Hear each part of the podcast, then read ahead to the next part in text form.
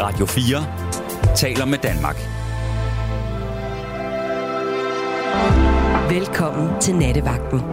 I nat med Mads Nygaard. God aften. Det er svært at gå igennem livet uden på et eller andet tidspunkt at foretage en virkelig dårlig investering. Jeg tror, det sker for os alle sammen. Og det er i al sin enkelhed nattens tema. Med mig i aften har jeg Frederik Petersen. Goddag. Goddag.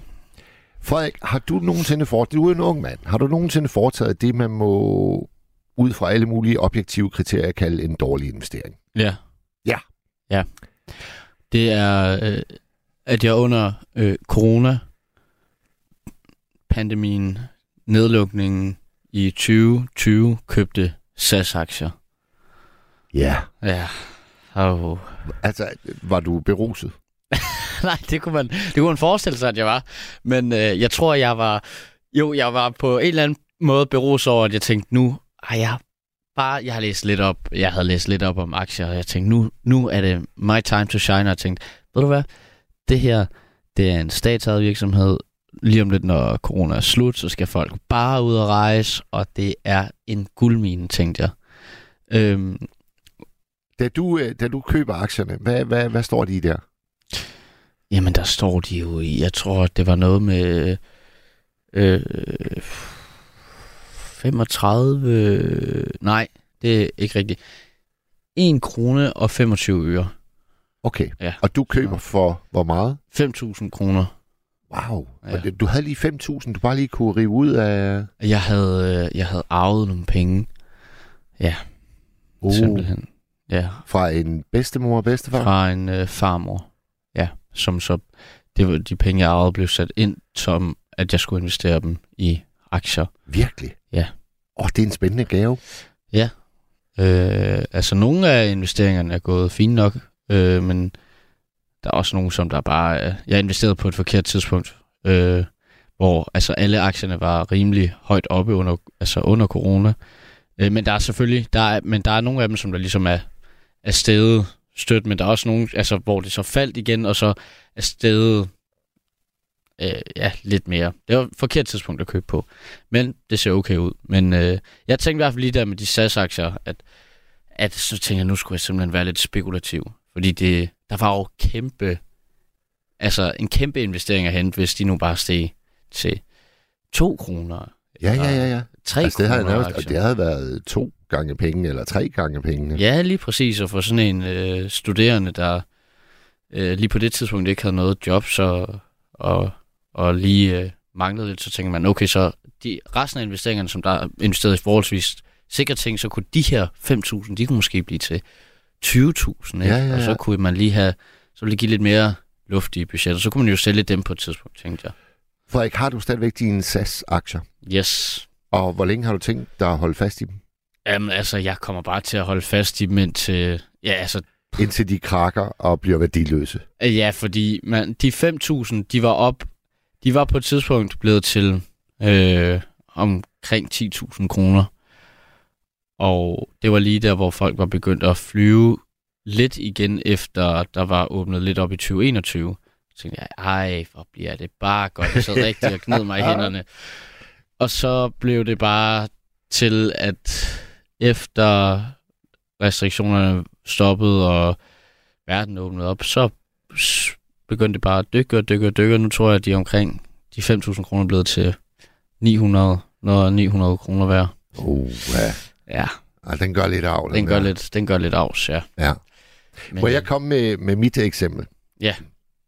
Øh, jeg havde lige fået barn nummer tre. Mm, Jeg lå og drønede rundt i en øh, lille pispot. Nu ville jeg gerne prøve at have en, en bil, hvor der var plads til tre børnesæder bagtil. Jeg havde en mekaniker øh, lokal. Jeg havde kendt ham i mange år, stolede på ham, og spurgte ham, jeg vil gerne have en bil med noget plads i. Har du en brugt, jeg kan købe? Så tog han mig omkring hjørnet, og der stod der sådan en bil, der lignede et forvokset insekt. Og jeg kendte ikke øh, modellen, og han siger så, det her, Mads, det er fremtiden for dig. Det er en Fiat Multipla. Og der, jeg, jeg må indrømme, at bare da han sagde navnet, der fik jeg sådan lidt, et, et, et, lidt en sund skepsis. Altså, man, man kalder da ikke en bil for multiplag. Jamen, det lyder bare ikke, det lyder bare ikke godt. Nej. Men den var stor. Og jeg slog til. Jeg var, jeg var ivrig. Nu skulle der saftsus med at være plads til ungerne. Den brød sammen tre gange i løbet af den første måned. Alle tre gange på motorvejen. Mm. Jeg gav 25.000 for den.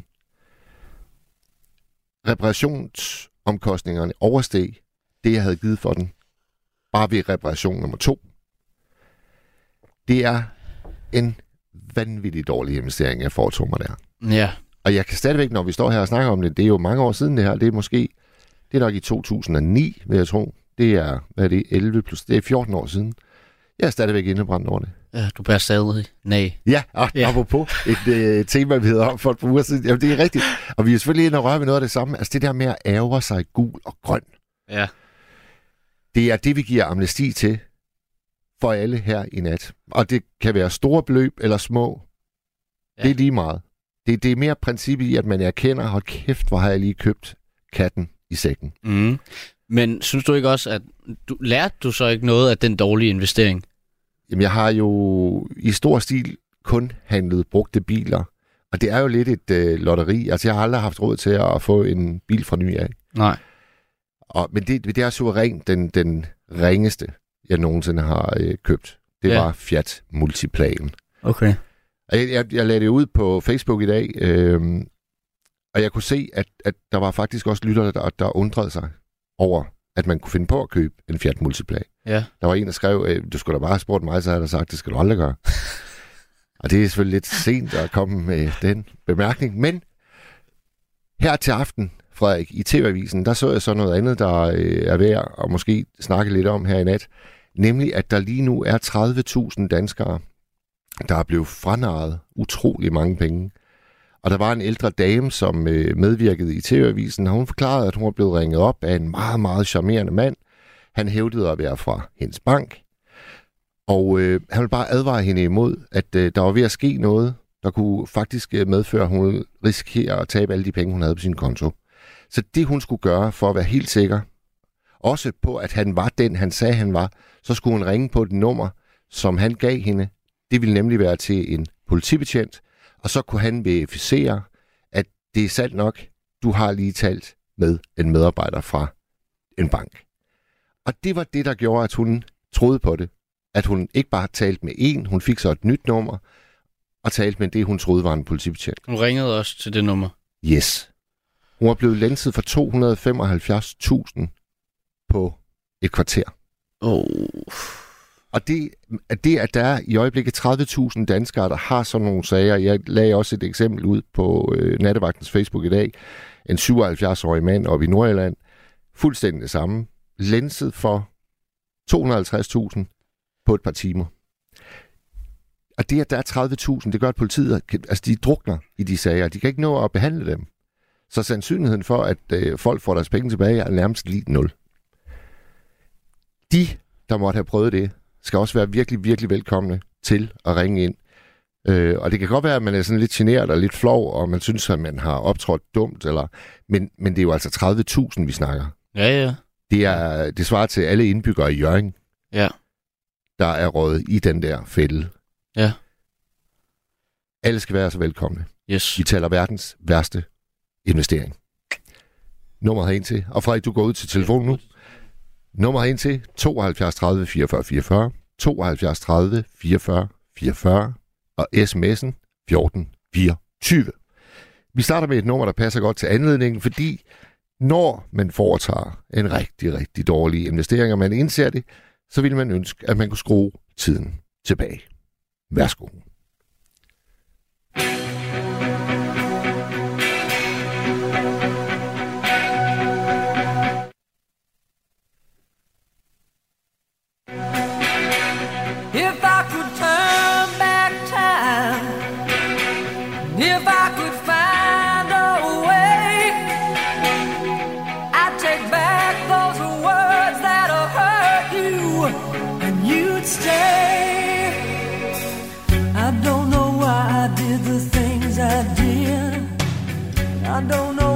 Said the things I said. Pride's like a knife, it can cut deep inside. Words are like weapons, they wound sometimes. I didn't really mean to hurt you.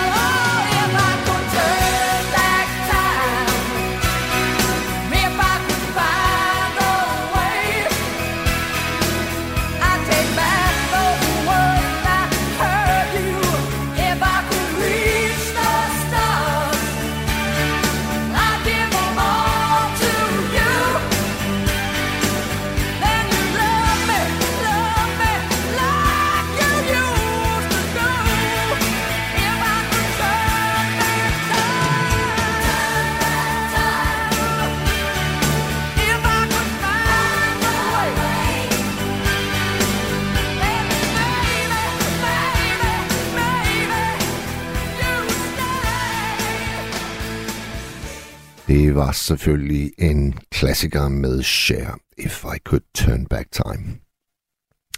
Der er en lytter, der skriver, wow, ham Frederik har en fræk stemme. Er han single? Han måtte gerne lave nogle dårlige investeringer med mig. Jo, jo. Så er der en anden, der skriver, til gengæld kan du prale med at have været den lykkelige ejer af verdens grimmeste bil, Mads. Og det var en sms fra Nat Martin. Og husk, at sms'en er ind til det er 1424. Vi tager imod alle med kysshånd. Og hvis du har lyst til at ringe herind i nat, hvor vi taler det der med at komme til at lave en dårlig handel. Foretage en skidt investering. Jeg tror, det er noget, vi alle sammen har prøvet. Øh, og det er simpelthen i al sin enkelhed nattens tema. Nummeret ind til 72 30 44 44. Det nummer har Claus benyttet sig af. Hej. Hej Claus. Hej. Hej, Mads. Det er hyggeligt at snakke med dig. Ja, i lige måde. Hvor ringer du fra, Claus? Jeg ringer fra Midtjylland. Ja. Ja. Og hvad fået dig til at ringe ind her øh, denne sene stund? Jamen, øh, nu er jeg lige på vej hjem fra arbejde. Nu nævnte du lige med din dejlige Fiat Multipla. Så Ja. kom jeg lige til at tænke på noget lignende oplevelse, jeg har haft.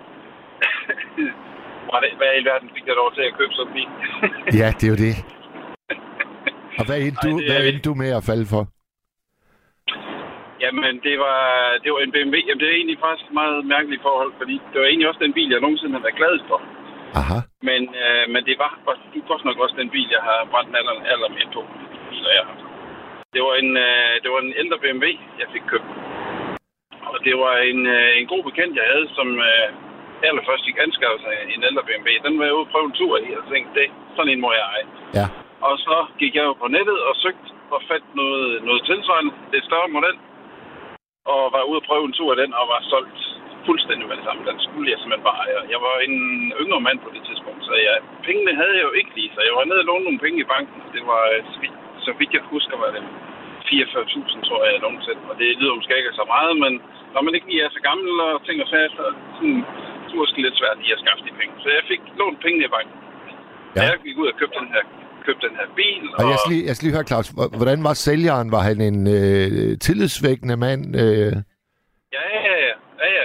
Uha. Altså, den var jo passet og plejet, og det var den også, og den var støvsuget, og den, var, den så godt ud. Jeg kravlede rundt og op og ned af den her bil, og jeg havde en god ven med ud, som også havde mere forstand på bilen, end jeg havde. Og ja. vi kiggede, vi kiggede under bunden, og vi kiggede i motoren, og vi kiggede alle mulige steder, og det så så fint ud. Og vi kørte selvfølgelig en tur i den, og vi lyttede efter, om der var nogle mislyde, om der er noget, der raslede eller skramlede, eller noget. Det var der heller ikke, og alting, motoren gik, som den skulle, og det hele var bare perfekt, så fik den skulle jeg bare have. Så der var ikke noget. Så nej, der var ikke noget med, med sælger. Det var, det var så fint. Øhm, og så kom jeg hjem med den, og var meget, meget glad for den. Og jamen, jeg kørte, og jeg kørte, og jeg kørte.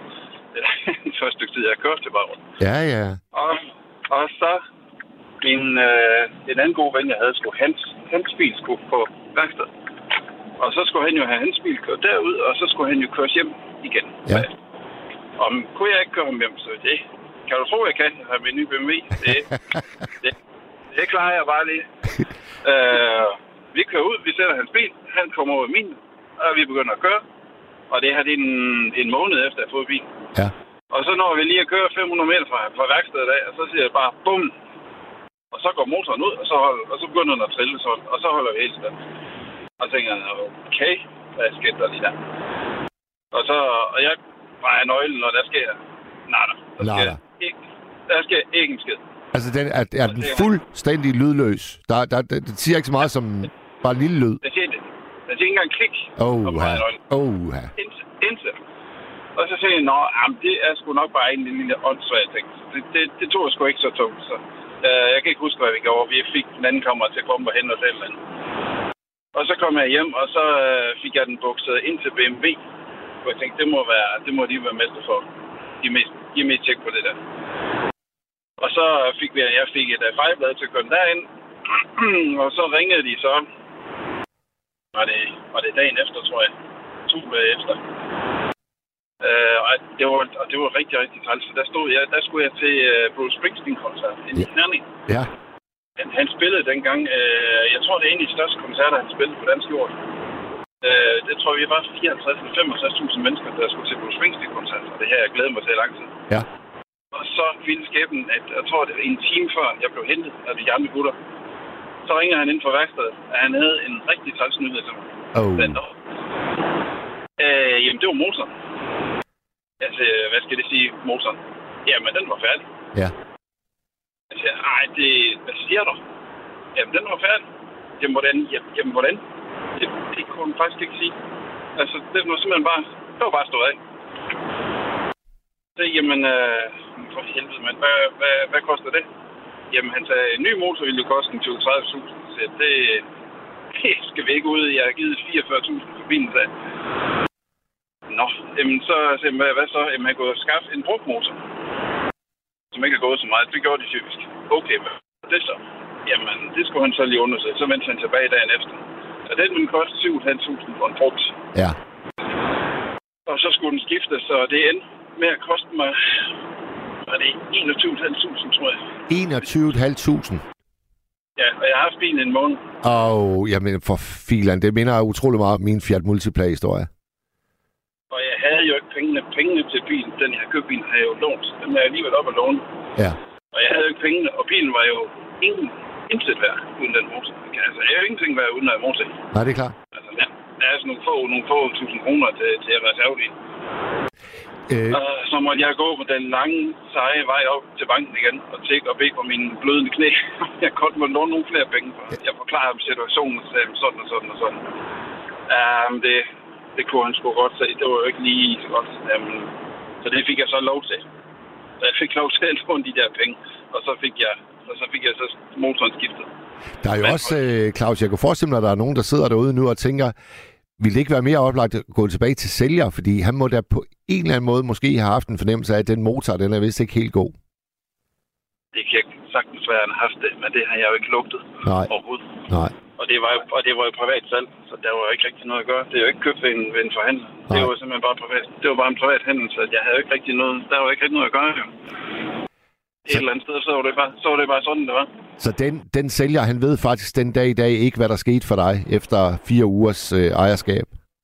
Nej, det vidste jeg ikke. Jeg har jo ikke, jeg har jo ikke talt med ham sådan. Så. Nej. Om man har haft en fornemmelse af, om det var derfor, han gerne ville af den ting. Nu var det vist på tide at komme af med det. Det ved jeg jo ikke. Men altså, det, ja, det var i hvert fald det, der skete. Og det var eddermame surt. Og hvad med, Bru- jo... hvad med Bruce Springsteen-koncerten? Ja, men jeg fik jo den besked, at det ville komme til at koste mig så mange penge, og jeg stod bare der, at så mange penge havde jeg overhovedet ikke. Og så kom de her gutter og hentede mig, og så skulle vi til koncerter, og jeg hang jo helt nede i kælderen. Altså, Ja. Jeg var helt nede. Det, det, der var med bilen, det var, det var, altså, det er den bil, jeg, altså, så længe den kørte, og der ikke var, no, og der ikke var noget i vejen med, så er det simpelthen den bil, der er allermest glad for. Ja. Den kørte fantastisk, når, når den kørte.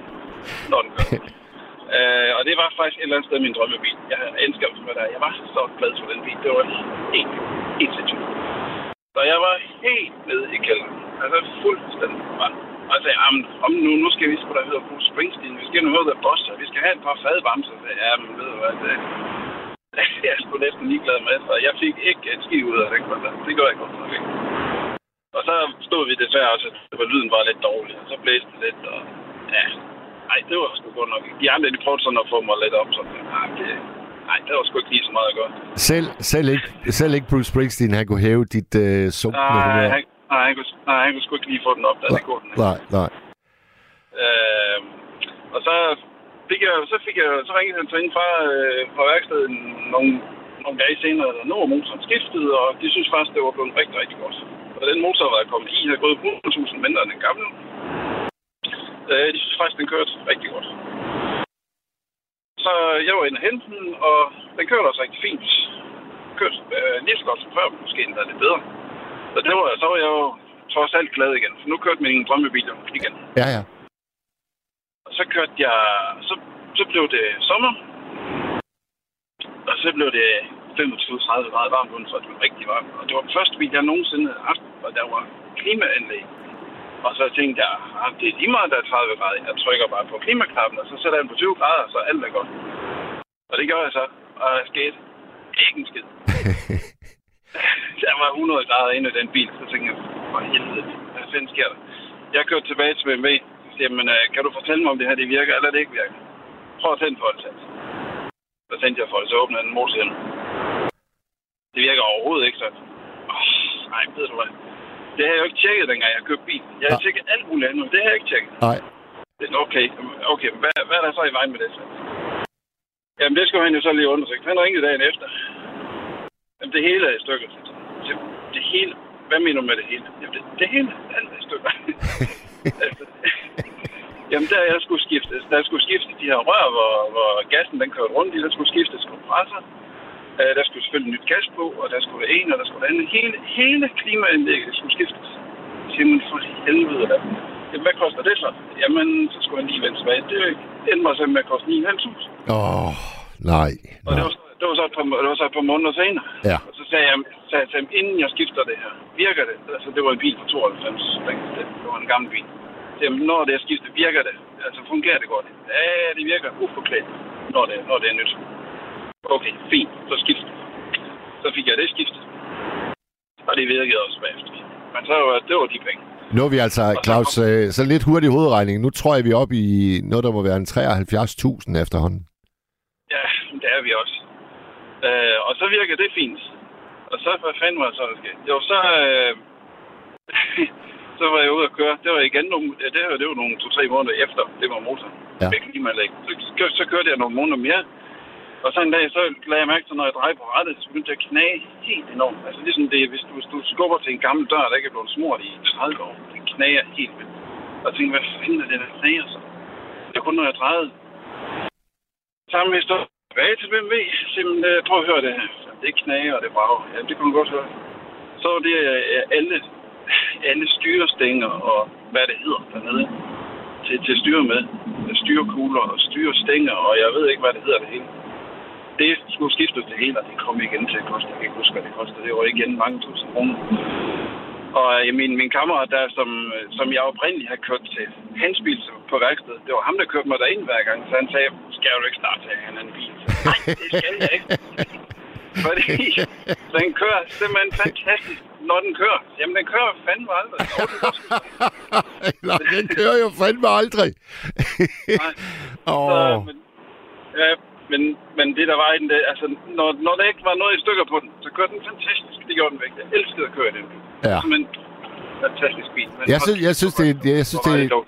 Claus, jeg synes, det er en smuk egenskab hos dig, at du ikke bliver, øh, du bliver ikke vred på den bil, der har kostet dig så mange øh, tårer og kroner.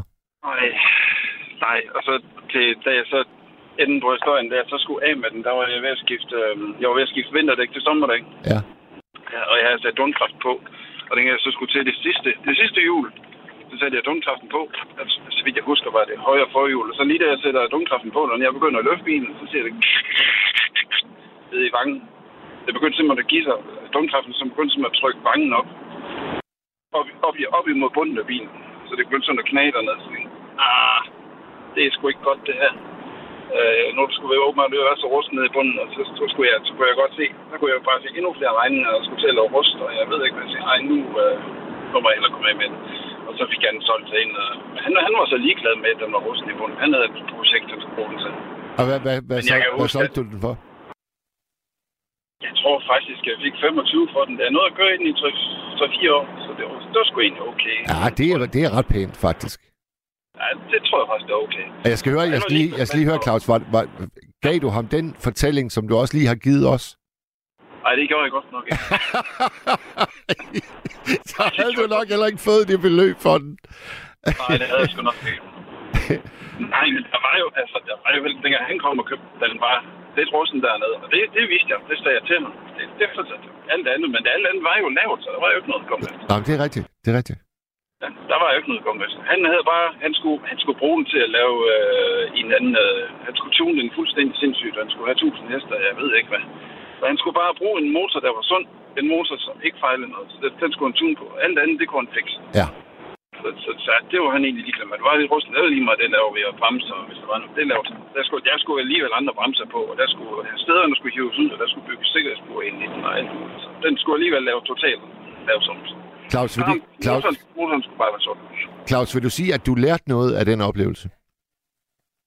Jamen det sjove, eller det sjove, kan man sige, var jo så, at inden jeg købte den her bil, så både min, min far Der tror jeg desværre, at vi tabte øh, Claus. Frederik, øh, vi, skal lige, vi er på sagen. Vi prøver at få fat i Claus igen. Jeg kan lige tage en sms fra Leon, der lige er kommet. Jeg har hørt, skriver Leon, at man i gamle dage puttede bananskraller i topstykket. Så kunne man ikke høre ventilerne klappe, og motoren ville spænde som en mis. Det lyder som sådan et insider, øh, insiderviden fra øh, de små øh, bilværksteder rundt omkring i landet. Tak for den, Leon. Har vi, har vi Claus med igen? Claus, vi arbejder stadigvæk på at få Claus tilbage. Der tror jeg, vi fik ham med igen. Ja, hej, hej. Vi tabte dig lige, Claus. Du er tilbage igen. Ja, men det er jo det sædvanlige. Det er jo det. Sådan er det. Yes. Så øh, ja, hvor var det, vi kom til? Det Du var, jeg jo. jo, men du var ved at fortælle, at din far havde sagt. Ja, jo, min far og nogle gode venner har sagt, simpelthen, øh, simpelthen jeg skal ud og have en BMW. Skal man have en BMW? Simpelthen, hvad er en ny? Så nej, en gammel brugt. Så nej, nej, nej, nej, nej, lad nu være med det. Det kommer til at koste det hvide øjne reparationer. Så det vil sige, det, det vil ikke være, hvis du køber alle mulige andre brugte biler. Så, så jeg tænkte, det, nej, det skulle jeg ikke. Det er jo simpelthen, jeg, det, vil simpelthen, jeg, det vil jeg simpelthen komme sådan til at fortryde. Så, ah, det tror jeg sgu ikke på. Men ja, det gjorde jeg måske også lidt. det gjorde jeg måske lidt. Ja. Og så alligevel ikke for jeg var jo rigtig glad for det. Men altså, jo. Men de fik, de fik ret i med, med reparationer. Det gjorde de godt nok. Ja. Det gjorde de godt nok. Så på, jo, på den måde ville jeg nok have nok lært det. Jeg vil nok aldrig købe sådan en igen. tror jeg. Og, og måske lytte øh, lidt, lidt ekstra til, til fars råd næste Ja, gang. jo, ja, men altså, Ja. ja, han havde nok ret et eller andet sted. Ja. Men, øh, ja. Claus, tusind, tusind tak for at give os øh, fortællingen om din ulyksalige BMW. ja, det er bare helt i orden. Og have en fortsat god øh, køretur i Midtjylland. Det er bare helt i orden. I sove godt? I lige måde. Hej du. Hej. Hej. Der tog vi afsked med Claus på det, der lød som motorvejen øh, et eller andet sted i Midtjylland. Det vi taler om, kære lyttere, her i nat, det er dårlige investeringer. Vi kommer nok alle sammen til at foretage en i løbet af livet. Det er næsten umuligt at undgå.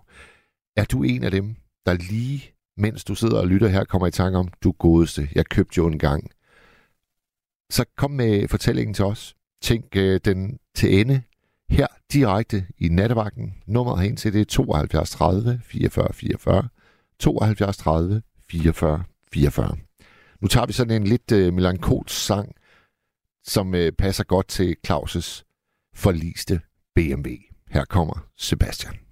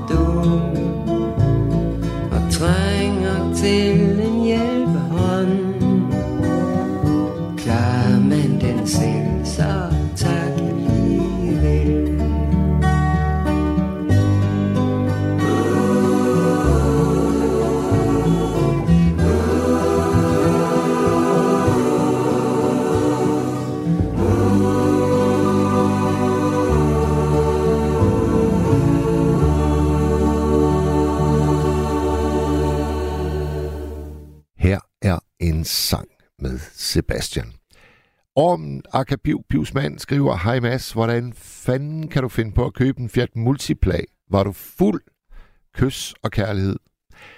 Altså, Ormen, jeg var simpelthen så ædru som aldrig før. Det handlede om at skaffe plads til tre unger og deres øh, enorme børnesøder. Så jeg var faktisk ædroligheden selv. Men lur mig, Ormen Akabiv Pivsmand, om ikke også du en eller anden gang er kommet til at købe noget, som virkelig bare viser sig at være en kæmpe katastrofe. Ring ind, hvis det er tilfældet på 72 30 44 44, 72 30 44 44. Det har Jens gjort. Ja, Velkommen til programmet, Jens. ja, tak skal du have. I forbindelse med aktier, der vil jeg sige, hvis man går ind i ak- køber aktier, Ja. aldrig mere end 10 procent af dem ejer aktier i samme selskab. Aldrig mere end 20 procent aktier i samme branche. Aldrig mere end 50 procent i aktier, hvad man har derudover på statsobligationer. Aha, du har simpelthen en formel til alle, der måtte være interesseret i at købe aktier, ligesom Frederik han øh, fortalte om, han har for 5.000 kroner SAS-aktier. Det er fornuft, medmindre det er noget, han skal bruge til næste år. Ja, en rejse, eller et nyt køkken, eller et nyt badeværelse, så synes jeg, det er fornuftigt at starte med at købe aktier. ja, Men hold dig for Frederiks vedkommende. 1000 kroner i et selskab, 1000 kroner i et andet selskab, 1000 kroner i et tredje selskab. Det kan ikke gå galt af alle selskaber. nej. Det lyder meget øh, rationelt. Er du, øh, er, er, er, jeg skal lige høre, Jens, er, er du øh, sådan en, der har handlet med aktier i, i lang tid? Jeg har aldrig handlet med aktier, men min private opsparing, der har jeg altså noget i aktier. Okay. og forskellige selskaber og i forskellige brancher. Men jeg har aldrig handlet. De aktier, jeg har købt, dem har jeg altid stadigvæk. Og jeg har aldrig solgt den eneste aktie. Nå. Det troede jeg, altså jeg ved ikke noget som helst om aktier, så altså er det ikke, er det ikke meningen, at man, man køber, når de er i bund, og så sælger man, når de er i top? Hvad er det, du siger? Køber når man er i bund? Man ved da ikke, hvornår de er i bund, og hvornår de er i top. Nej.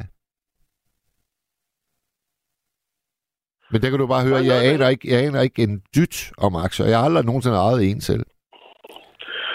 Uh, hvis du aldrig har nogensinde ejet og har lyst til at vide noget, så er der noget, der hedder C25-indeks.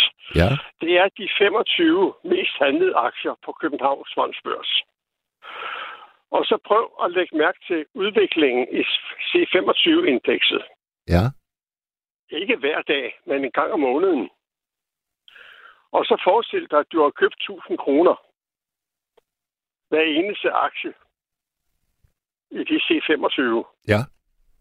Og så, det vil sige, hvis du køber det i morgen, så er det altså 25.000, du har købt for aktier. Og så have den kurs efter Københavns Fondsbørs. Ja, Og så prøv at se, hvordan det har udviklet sig. Om en måned, to måneder, tre måneder. Ja. Det kan være, at du, din formue er mindre. Det kan også være, at den er mere værd. ja, ja. Men hvis du ser udviklingen i C25-indekset de næste 10 år, så vil du kunne se, det har været en svag stigende. Der har været en krig i Rusland, der har været corona. Men over en 10-årig periode, det har været pænt stigende. Og hvornår, hvornår købte du din første aktie? Altså nu tror jeg, det er lidt fantasi. Det købte jeg, jeg var 18 år. Jamen altså, Frederik er jo også en ung mand. Jeg er helt overrasket over, at han har købt for Ja. 5.000 SAS-aktier. Der vil jeg sige, at han kan ikke have professionel rådgivning. Hvis han har haft professionel rådgivning, så har en rådgiver sagt, lad være med at købe et enkelt selskab. Ja, ja. Jamen, det, Det er vi helt, det er vi helt med på. Øh, Det men, kan godt men, være, at flytrafikken bliver stærkt stigende. Det kan også være, at brændstofpriserne falder, ja. og brændstof, eller brændstofpriserne stiger voldsomt. Men det, skal det forstå sådan, Jens, at du har aldrig nogensinde brændt nallerne på aktiemarkedet? Ja, hvad er brænden nallerne? Hvis det er, at man sælger noget til en lavere pris, end man har købt den til, Ja. så har jeg aldrig brændt nallerne. Fordi, Fordi du aldrig nogensinde har solgt? Jeg har aldrig nogensinde solgt en aktie. Men hvornår, Aldrig. var det, altså, nu skal jeg bare lige prøve at forstå, hvornår, hvornår indkasserer man så en eventuel fortjeneste? Fordi altså, hvis du aldrig vil sælge dem, du må da på et eller andet tidspunkt skulle ind- indløse gevinsten, ikke? Altså indløs gevinsten, øh, nu er jeg pensionist, det er, hvis jeg kommer i en situation, og virkelig mangler penge. Ja. Og jeg ikke har råd til husleje eller noget andet. Ja, så må jeg jo sælge en, til jeg har det. Men den situation har aldrig været sket for mig. Jeg har aldrig solgt en aktie. Jeg har kun købt hele tiden. Og min første aktie, det købte jeg, da jeg var 18 år. Hvor Og meget, i dag er jeg. Ja. Og i dag er jeg 79 år. og hvor, hvor, hvor stor er, hedder det ikke, øh, portefølje? Hvor stor er din portefølje? Øh, det, er, det betegner jeg som privat. Det har jeg ikke lyst til at sige. Okay, modtaget. Var det det rigtige udtryk, jeg brugte der? Portefølje? Det var det, det, var det rigtige, ja. så er jeg ikke helt på herrens mark, det er godt. nej, det, nej, det er du ikke.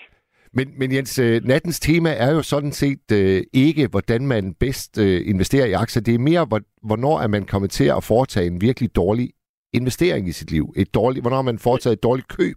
Har du noget der, øh, du kan bidrage med? Et Nej, kø- det har jeg ikke. Du har aldrig... For jeg aner ikke, for jeg aner ikke hvornår. Hvis man nu tager de øh, 25 mest handlede aktier. Det Nå, det, det, det, det, 25. det, nu taler vi slet ikke aktier længere. Nu er jeg over i sådan en, det kan være, at du har købt en bil, du har fortrudt et hus, du har fortrudt øh, et møbel, et kunstværk. Nu, nu, er vi, nu forlader vi lige aktierne for en stund. Ja, jeg har, jeg, nå, jamen, jeg har da... Jamen, selvfølgelig har jeg da også engang købt en bil, jeg har fortrudt, og jeg har engang købt en, motorcykel og scooter, jeg har fortrudt ikke. Hvad for, en, det hvad for en jo- gjorde mest ondt af de tre ting, du nævnte der? Det var bilen. Hvorfor?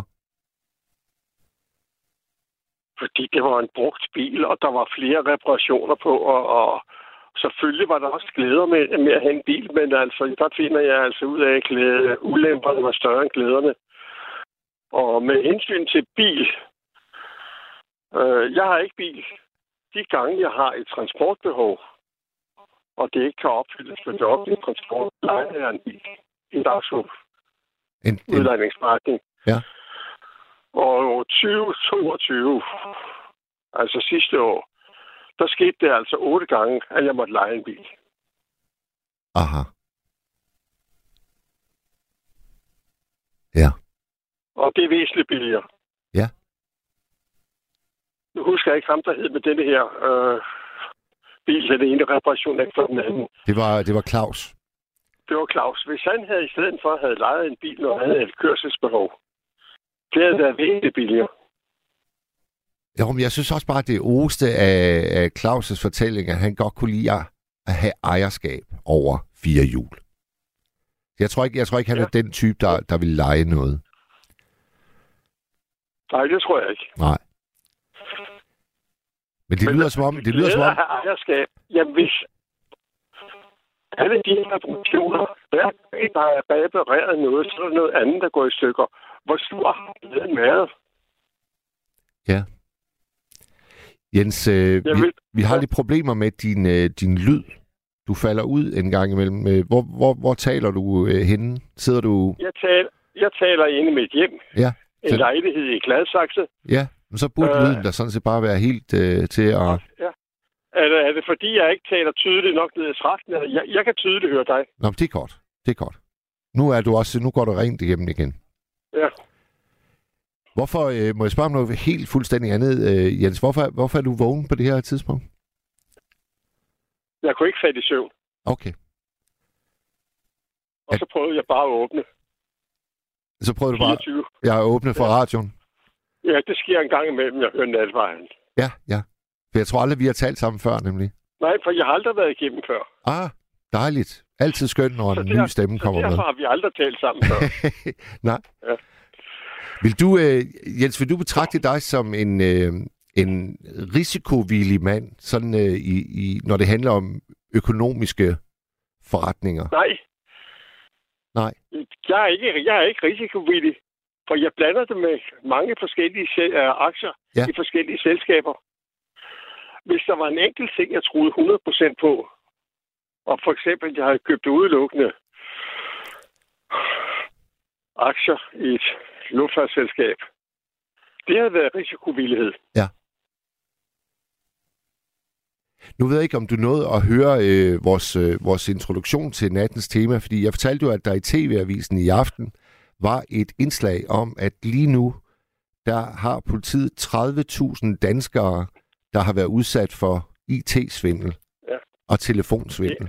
Hvad, Ja. tæ- hvad tænker du, når du hører det? En gang imellem kommer jeg til at sige noget grimt. Det... Så gudstroende har normalt begavet voksne mennesker ikke lov til at være. Og der er også nogen, der indrømmer, at de har været lidt for gudstroende. ja. Jamen, det, det gjorde kvinden, der medvirkede. Hun var en Ja. ældre dame. Ja. Men, men, men, Og ofte- men de er jo altså også bare Ofte- de er jo Ja. bare virkelig dygtige, Jens. Altså, det er jo ikke, det er jo ikke sådan nogle, det er jo ikke sådan nogle øh, øh, øh, folk, der bare lige får en idé til, nu vil jeg lave et lille kup her. Altså, det er jo folk, der har øvet sig i at manipulere med mennesker. De er dygtige. Ja, og der må også være mange, mange der bider på. Ja, Hvis de når 30.000. at tage...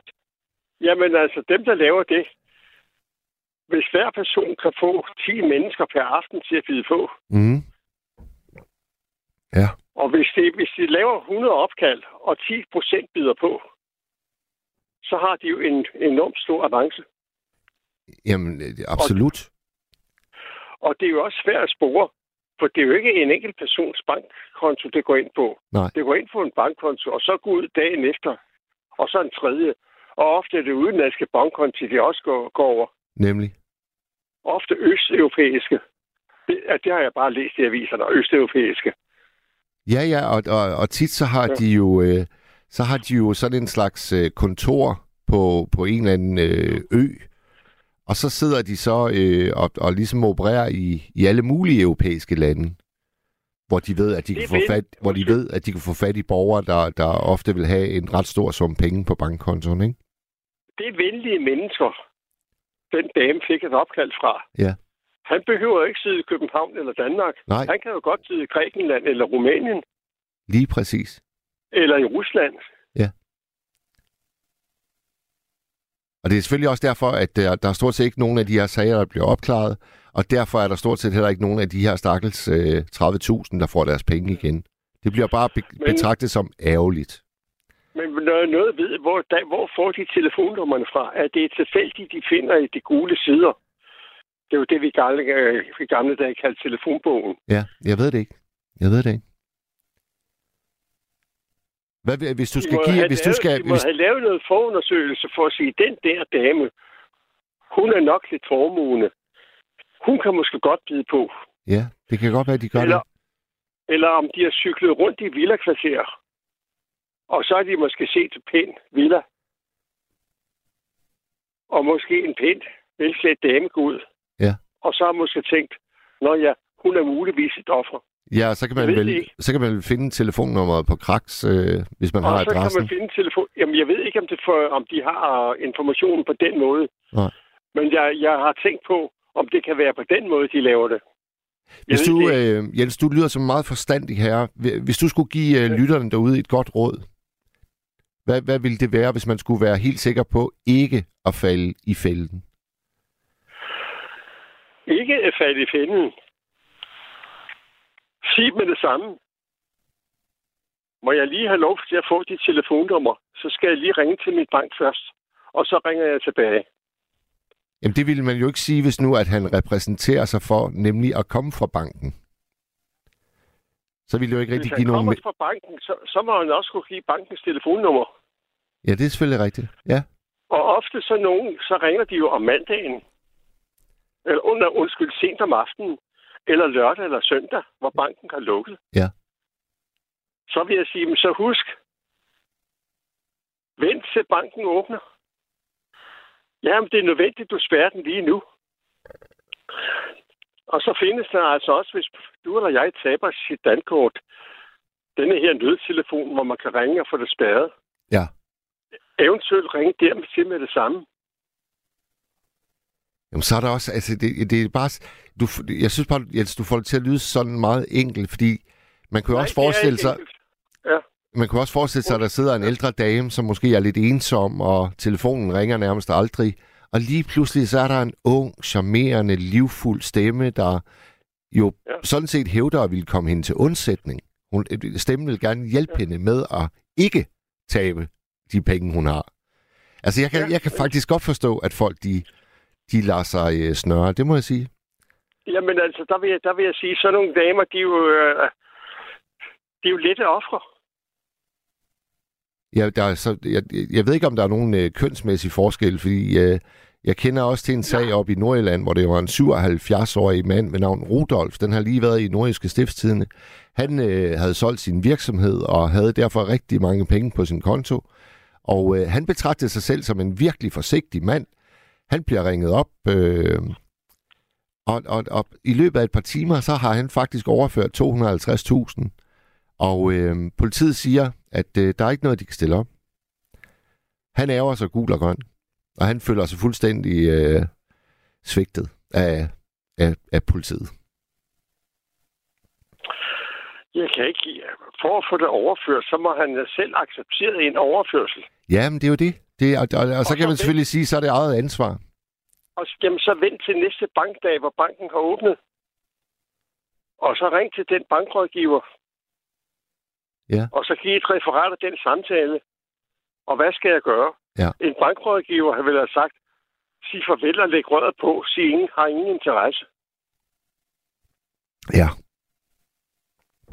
Godt. Og så vil jeg sige, hvis jeg skal give et råd, kun et menneske, man kender.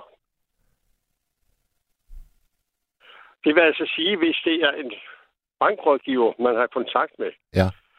så kan man på stemmen nok høre, om det også er den bankrådgiver, der ringer. Ja. Et tilfældigt menneske, der bare siger mig, jamen, og det er for politiet. Tak skal du have. Det kan en værv komme og sige. ja, det er rigtigt. Men til, Ja. Med tilstræk, tilstrækkelig stor frækhed, så er det jo kun fantasien, der sætter grænsen. Og så nogle mennesker, de har jo en så stor frækhed, som vi andre ikke kan sætte os ind i. ja, det er en skrupelløshed helt uden grænser. Ja. Og der vil jeg sige, at den danske pre- presse, jeg synes også, de har været dygtige til at give rådgivning med hensyn til faresignaler. Ja. Jeg vil sige, den dame, der blev omtalt i TV-avisen, Ja. hun indrømmer også, hun har været inde i, men jeg vil alligevel, selvom det kan lyde hårdt, selvom de siger, at det for politiet, så godtroende har normalt begavet voksne mennesker altså ikke lov til at være. Nej, men 30.000, det er altså et stort tal, som jeg sagde, det er hele Jørgens befolkning, hvor jeg kommer. Ja. fra. Ja. Øh, Jens, øh, jeg er glad for, at du øh, havde dit debutopkald her til nattevagten, og håber, at du, øh, ja. og håber, at du vil ringe ind en anden god gang. Og det vil jeg gøre, hvis der er et emne, der falder i min smag. Det er godt. Og så håber jeg, at du Ja. får en god nat, når du... Øh, Det håber jeg også. ja, Tak for samtalen. i lige måde, Jens. Hej. Tak.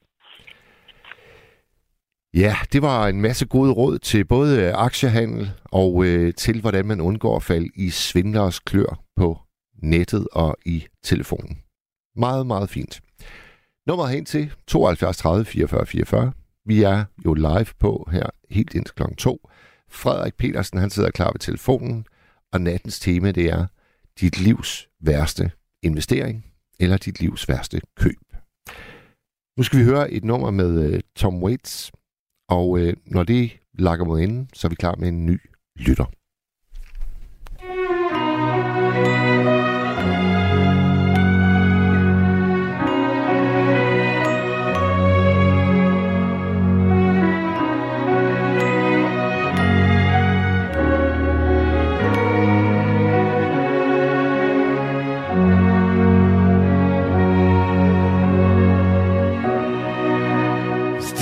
sandstones will break my bones.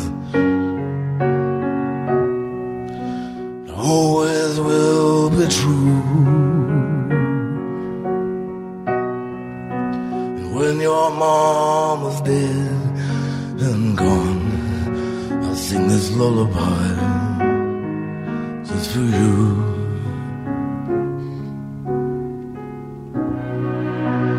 What becomes of all the little boys who never comb their hair. They line up all around the block on the nickel.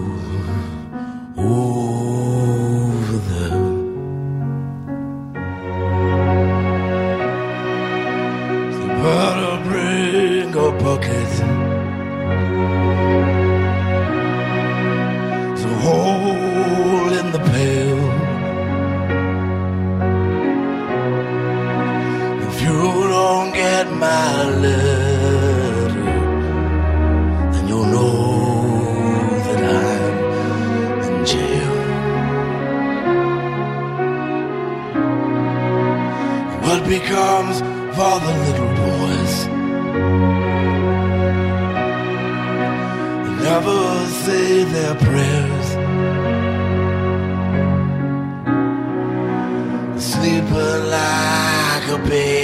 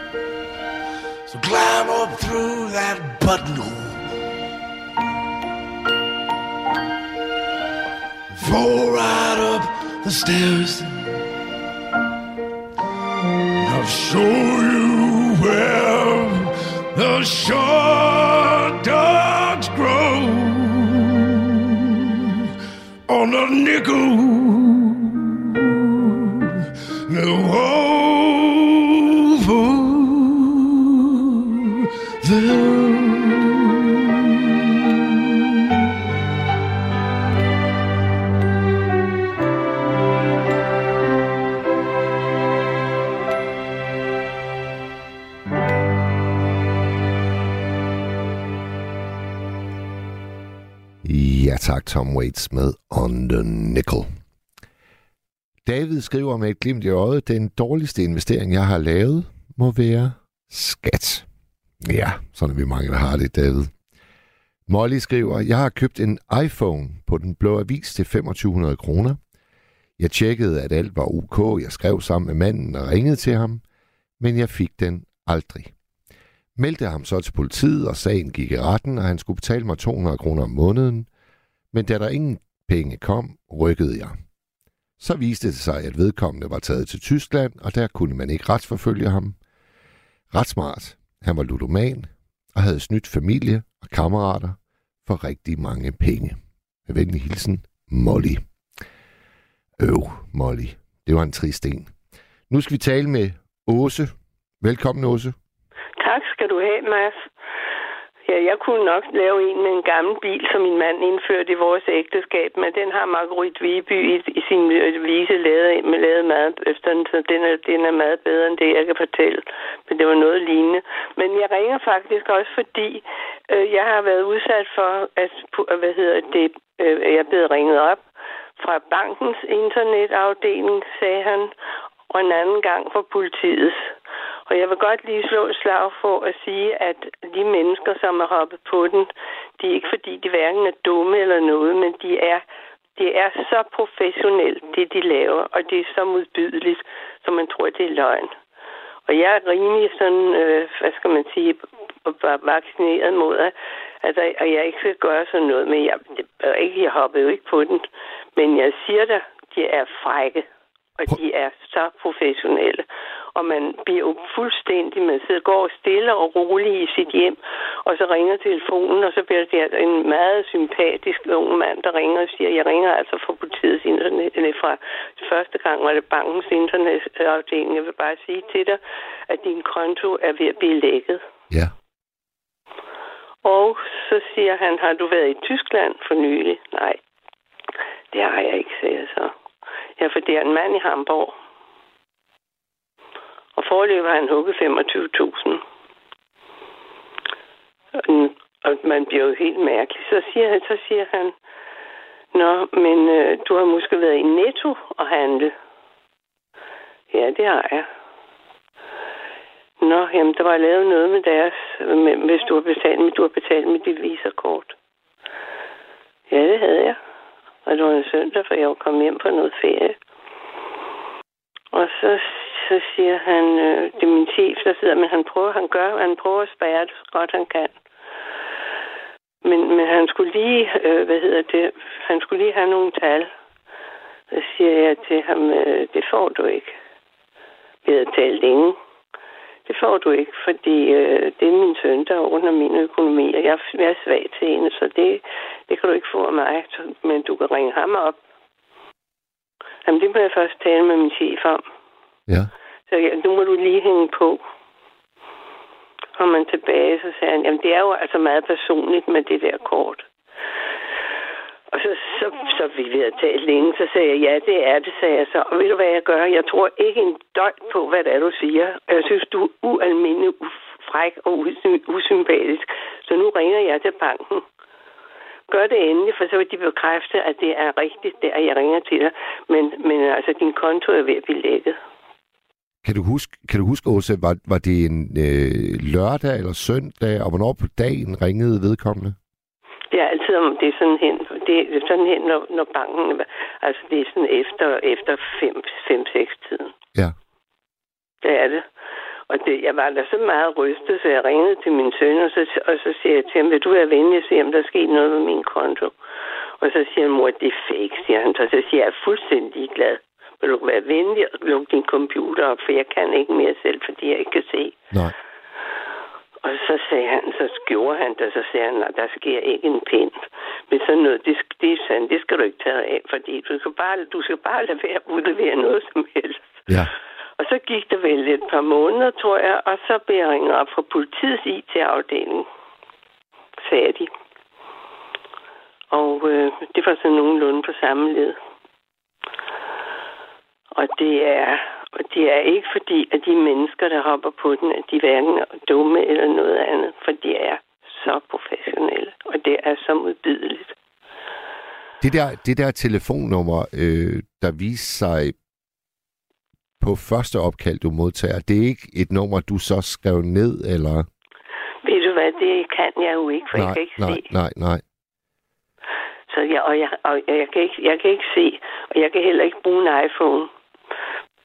Fordi det er, det er, det, det kan jeg bare ikke.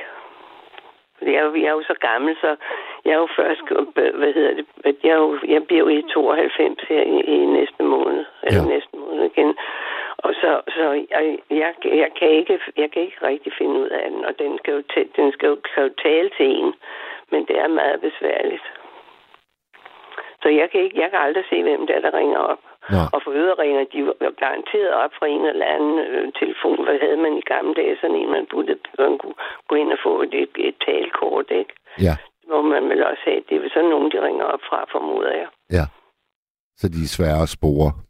De er meget svære at spore, men, men øh, øh, hvad hedder det, det jeg, jeg kender flere, der er blevet ringet op. Vi kender ikke nogen, der har hoppet på den, men jeg kender nogen, der faktisk er blevet så, så bange, så, så de er rendt ind til naboen for, bagefter for, at de er bange for, at der skal komme nogen eller et eller andet andet.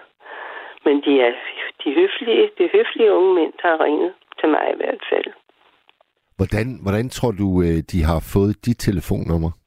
Jeg aner det ikke, men, men øh, altså, jeg har været til et foredrag med, øh, i, i øh, øh, jeg kan ikke huske, om det var blindesamfundet, hvor de her får at advare mod det, der, det her for nylig. Og der var både politiet og bankfolk også, og de, de vidste faktisk ikke, hvordan de fik numrene, men den ene betjent sagde, at det var muligvis, nogen, muligvis tog de nogle navne, altså for eksempel et, et eller andet år, der, der er måske hvad, der hedder de- alle de gamle mennesker, øh, Sonja, eller hvad de hedder, et eller andet. Og så tog de nogen for det der. Jeg ved ikke, hvordan de ved det, og jeg ved heller ikke, hvordan de kan finde ud af, hvor gammel man er. Men, men øh, jeg ved jo for eksempel, at alle os, der kører med, med handicapflex, der opgiver vi vores CVR-nummer hver gang vi bestiller det. Men det går jo kun ind på kontor. Ja. Altså det, du siger, Åse, det er, at du tror, at de går målrettet efter ældre Efter gamle. borgere. Ja, Ja, det tror jeg.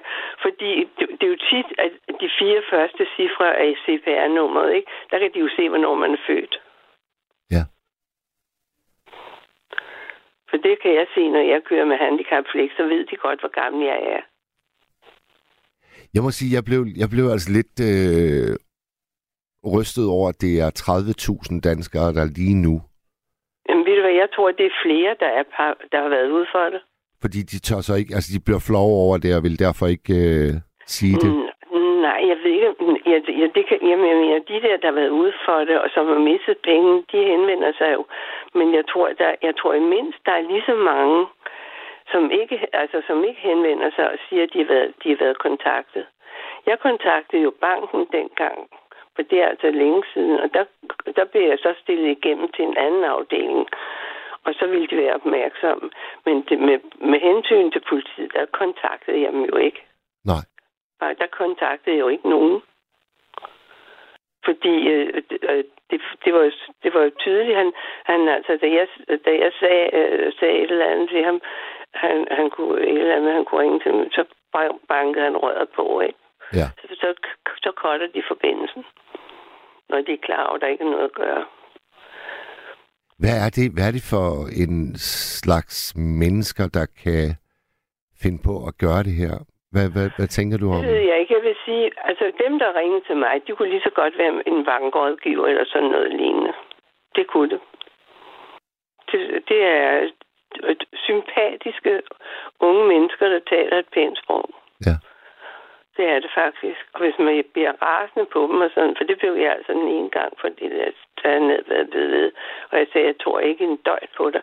Så han bevarede roen, altså og sagde bare, jamen ved du det er du velkommen til, for du vil bare, det vil bare blive bekræftet, det jeg har sagt. Så de er, de er dygtige. Ja. Det er de altså. Men jeg, jeg synes, at man... Jeg har i hvert fald meget med lidenhed med de der mennesker, som hopper på den. Det har jeg bestemt også. Fordi øh, det, er ikke, det er ikke bare folk, der er dumme. Det er det altså ikke. Det er det ikke, for man bliver temmelig rystet. Ja.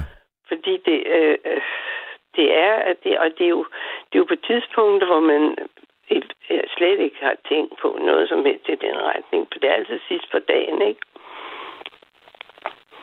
Men selvfølgelig, man kan altid, når man er bagklog, så kan man jo altid sige det. Selvfølgelig, hvorfor har man ikke været opmærksom på det, og hvorfor har man ikke sådan og sådan, og hvorfor gjorde man dog ikke det, og det har man hørt. Men, men øh, der går altså sådan et eller andet lidt panik i en. Ja. Ja. Det gør der. Ja. Så man skal være ret stærk, når man siger nej, eller når man, når man ikke hopper på den. Og så tror jeg altså også, jeg tror altså også, der er det der aspekt, at, øh, at hvis ens telefon stort set aldrig ringer, hvis man er øh, sådan i bund og grund ensom, så ringer der sådan et charmerende menneske med en sprød, ung stemme, og vedkommende øh, lægger ligesom fra land med bare at, at, at vinde tillid hos den, man, øh, man ringer til, så, så kan jeg altså sagtens se, at man, man, kan, man, kan, man kan komme til at fokusere på det helt forkerte, og, og så lige pludselig, som du også selv sagde, den første samtale, du havde, den varede jo lang tid. Det er jo ikke sådan noget... varede lang, den varede lang tid. Den anden varede også forholdsvis lang tid, fordi de, for, de forklarer sig jo alt muligt andet på den der led. Og, og øh, som, som øh, nu er min søn, han, han er mere sådan, ja, så siger han, jamen mor, hvis du ikke havde været netto, så havde de spurgt, om du havde været i Masas. Ja, lige præcis. Ja. Ja, og det... Øh, jeg ved jeg synes, det er jeg synes, det er meget uhyggeligt. Det må jeg indrømme. Jeg synes, det er meget modbydeligt. Fordi øh, gamle mennesker, de er som regel meget påpasselige med at passe på deres penge og passe på deres ting og sager. Og så, så lige pludselig... Vi kan jo ikke rigtig følge med i alt det der IT-halløj efterhånden. Nej. Det, det er jo næsten ligegyldigt, hvad man skal. Så skal man jo altså kunne bruge en computer. Ja, det er nemlig rigtigt. Det er nemlig Ja. rigtigt. Ja. Og så er der jo også, der er jo også det, at øh, en gang imellem, så ser man jo historier i nyhederne om folk, der fortæller, at lige pludselig, så tjekkede de deres bankkonto, og så var der gået en halv million kroner ind på kontoen. Og det var, det gav ikke nogen som helst øh, mening, og, og så viste det sig så også efterfølgende, da det blev tjekket med banken, at der var simpelthen sket en fejl. Men det er jo ret logisk at tænke, at hvis der ved en fejl kan komme en masse penge ind på ens konto, jamen hvorfor skulle det så ikke være tilsvarende muligt, at der lige pludselig kunne forsvinde en masse penge fra ens konto? Og når de så ringer og siger, at det er det, der er ved at ske lige nu for dig, der din konto er ved at blive tømt. Vi kan ikke helt se, de hvem det er, der... om, de, altså, jeg ved ikke, om de har, det, jeg tror ikke, jeg ved ikke, om de har nogen øh, anelser om hvad, der, om, hvad, hvad man har på sin konto, eller ikke har på sin konto. Nej. Det ved jeg ikke, om det ved jeg ikke, om de har, men det, ja, det, det jeg ved det ikke. Men, men altså, det er, om det så gør det lokalt, eller hvad de kan. Jeg ved ikke, hvor meget de kan gå ind og se. Men, jeg synes, men øh, noget kan de måske se. Jeg ved det ikke. Nej. Men øh, det er ikke, fordi jeg er ikke, jeg er ikke rig. Det er ikke det. Men det, jeg har, det vil jeg gerne beholde. Jeg vil i hvert fald ikke give til sådan nogle idioter. Det vil jeg ikke. Det er godt, Åse. Godt. Det ved jeg ikke. Men så kan jeg fortælle en anden. Det, det er lige en investering, og det er sådan set, det er længe siden. Jeg kørte, jeg bor i Virum, og så opdagede jeg, at jeg skulle have gæster. Det var en lørdag, jeg havde glemt at købe, en, købe citroner. Så, så om morgenen, øh, hvad hedder det, klokken, det var 9.30, så kørte jeg lige op til Virum Supermarked hed dengang og parkerede, uden at sætte min parkeringsskive på. Fløj ind og købte to citroner, da jeg kom ud, der sad der en parkerings, parkeringsbøde på 500 et eller andet. Og det, den er jeg aldrig kommet over. Åh, oh, nej. og jeg så prøvede lige hjem og betale. Der kunne jeg bruge computeren og betale med det samme, men den irriterer mig stadig. Jeg har kun fået to i sin tid, men, men den der, den citron, den var dyr. Det var en dyr investering. Det kan, det kan jeg sagtens øh, sætte mig ind i. Den, øh, den er ærgerlig. Ja. Den også til at grine af, ikke? Jo, jo, Men jo. det er det andet ikke. Åse, der er, øh, der er en lytter, der skriver, at øh, der er et helt simpelt råd, man kan, man kan følge. Og det er så ikke til dig, fordi du har jo modstået øh, ja, svindlernes øh, opkald. Men, men, men det simple råd, det er, at øh, der er ingen myndigheder, hverken banker, politi eller skattevæsen, der kan finde på at bede dig om at overføre penge fra en konto til en anden konto, ved at lave telefonopkald til dig. Det, kan, det, det er der simpelthen ikke nogen myndigheder, der vil finde på. Og sagde på bankfolkene og politiet sagde, der er aldrig nogen, der ville ringe om det. Jamen det, det, der må jeg så sige, sådan kan man ikke sige det, fordi jeg bliver for eksempel i ny og næ ringet op af min bank. Og det er, ikke, Ja. ja. det er ikke min personlige bankrådgiver, der så ringer op. Og det er jeg faktisk selv lidt... Øh, altså, jeg synes faktisk, det, det er bekymrende. Fordi det er jo sådan nogle opkald, der gør, at man kan være tilbøjelig til at, at tro på, når nu en eller anden fremmed stemme præsenterer sig som øh, en fra din mm-hmm. bank. Altså, det, det, det sker. Det ved jeg, for jeg har selv prøvet det. Øh, Jamen, er det så sådan, så de vil have nogle af dine tal fra din, fra din øh, hvad hedder det, kort? Nej, det, det, det har jeg så ikke prøvet, men jeg har prøvet, at banken... det er jo det, de vil. Ja, men, men det, jeg har prøvet, det er, at banken ringer, hvis øh, min konto er gået i overtræk. Ja. Så ringer de og siger, at det skal der øh, rådes båd på.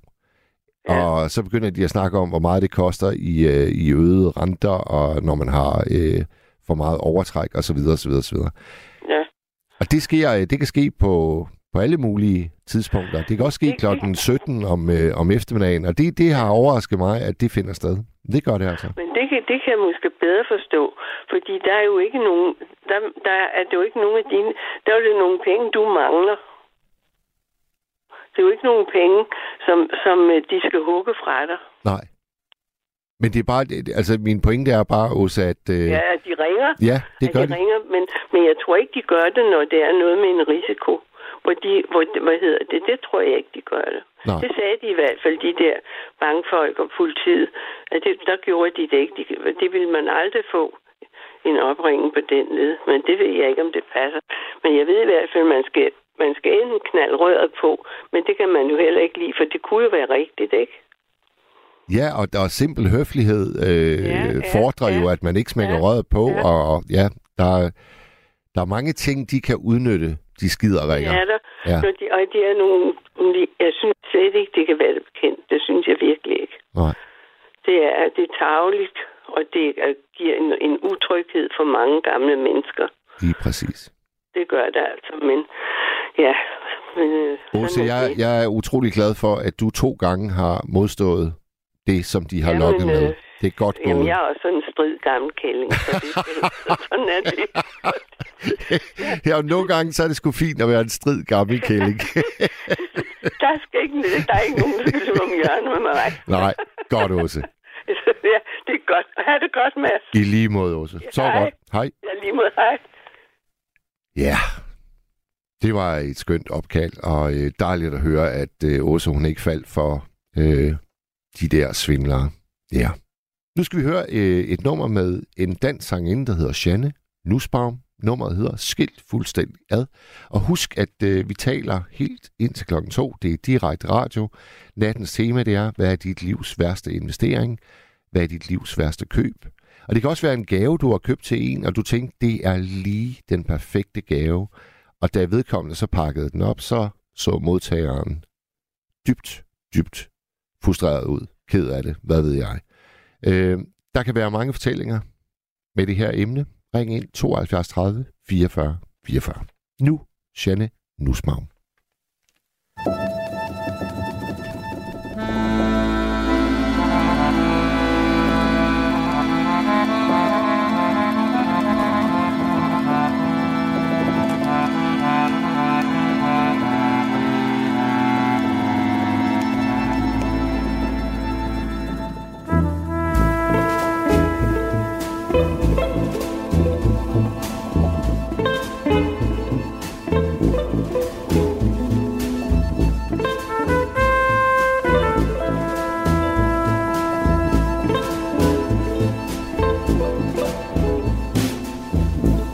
Du gik fra mig, vi blev skilt fuldstændig ad.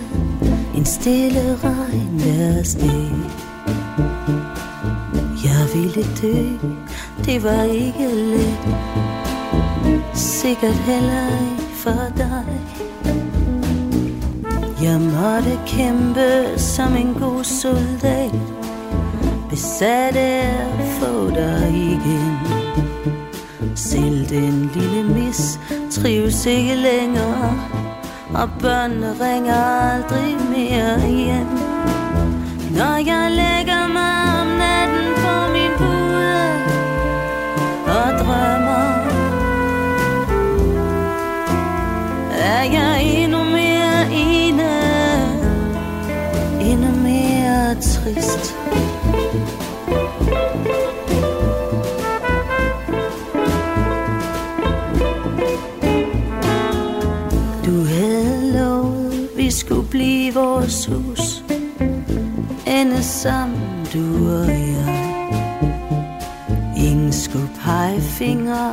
Os at sige De klarer den ikke, nu burde de være for sig Når jeg vågner op om natten i min enmandsseng Og skælver er jeg endnu mere ene, endnu mere trist.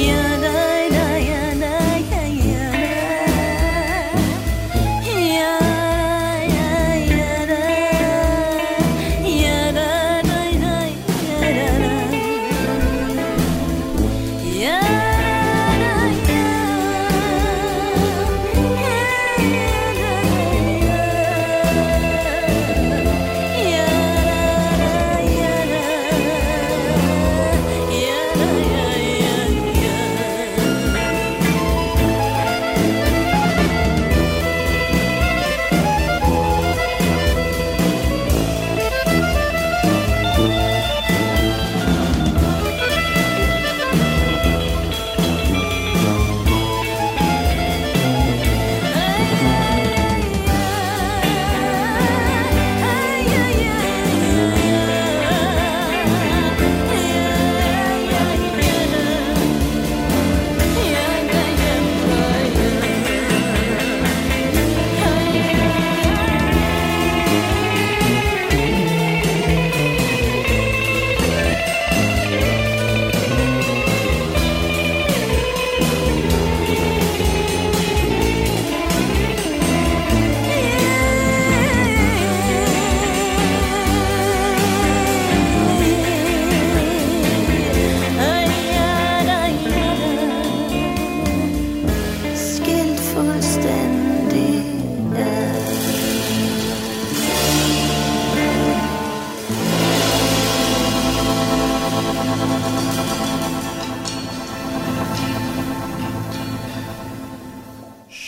Sjerne Nussbaum med skilt fuldstændig ad.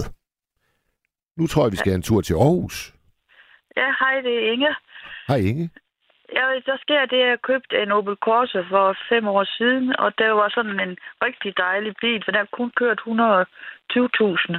Og det var en enmandsejer, og det var blå, og det var min yndlingsfarve. Men så kørte jeg ind i et par år, og så pludselig, så gik den i stå. Ja. Og min gamle mekaniker var sådan en enmandsværksted.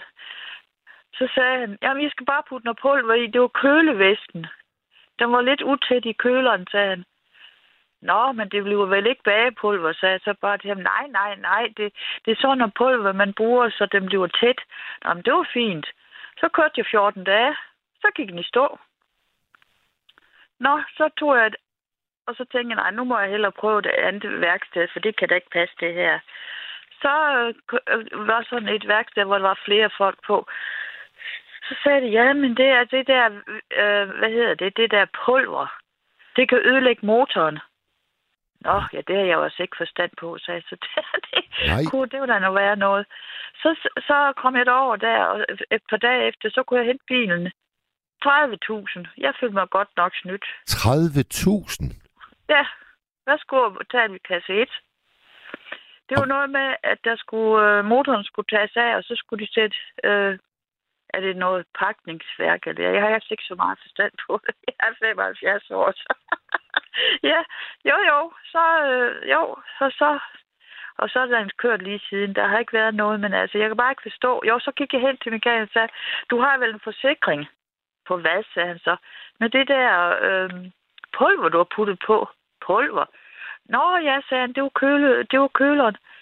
Ja, men øh, er du klar over, at den har ødelagt motoren? Hvad sagde han så? Nej, sagde han, det, det, kan ikke, det kan ikke lade sig gøre, sagde han så.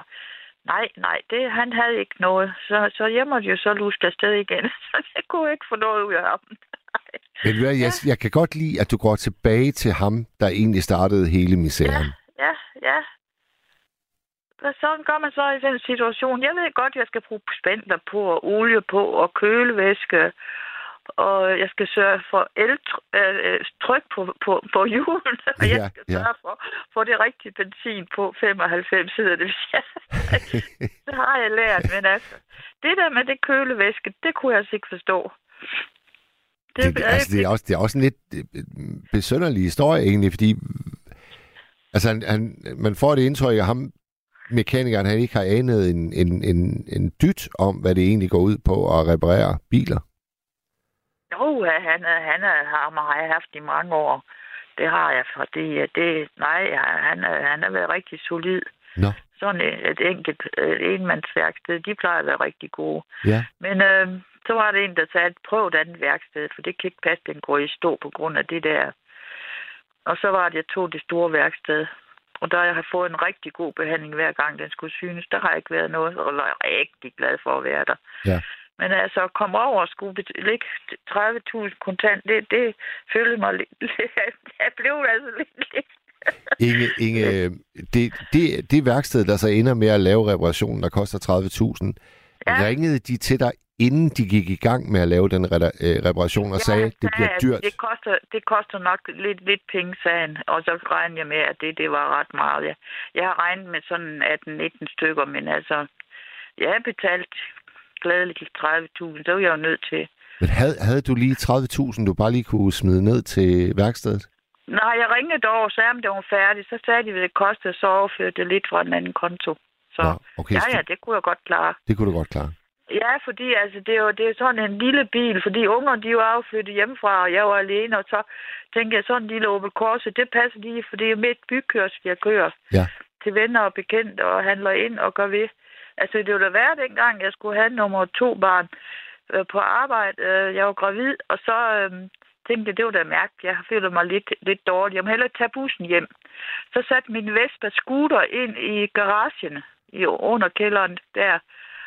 Og så hørte jeg klokken 8 om aftenen, og så dengang, øh, det er så 30 år siden, der er man ikke så langt, øh, hvad hedder det, barselsholder.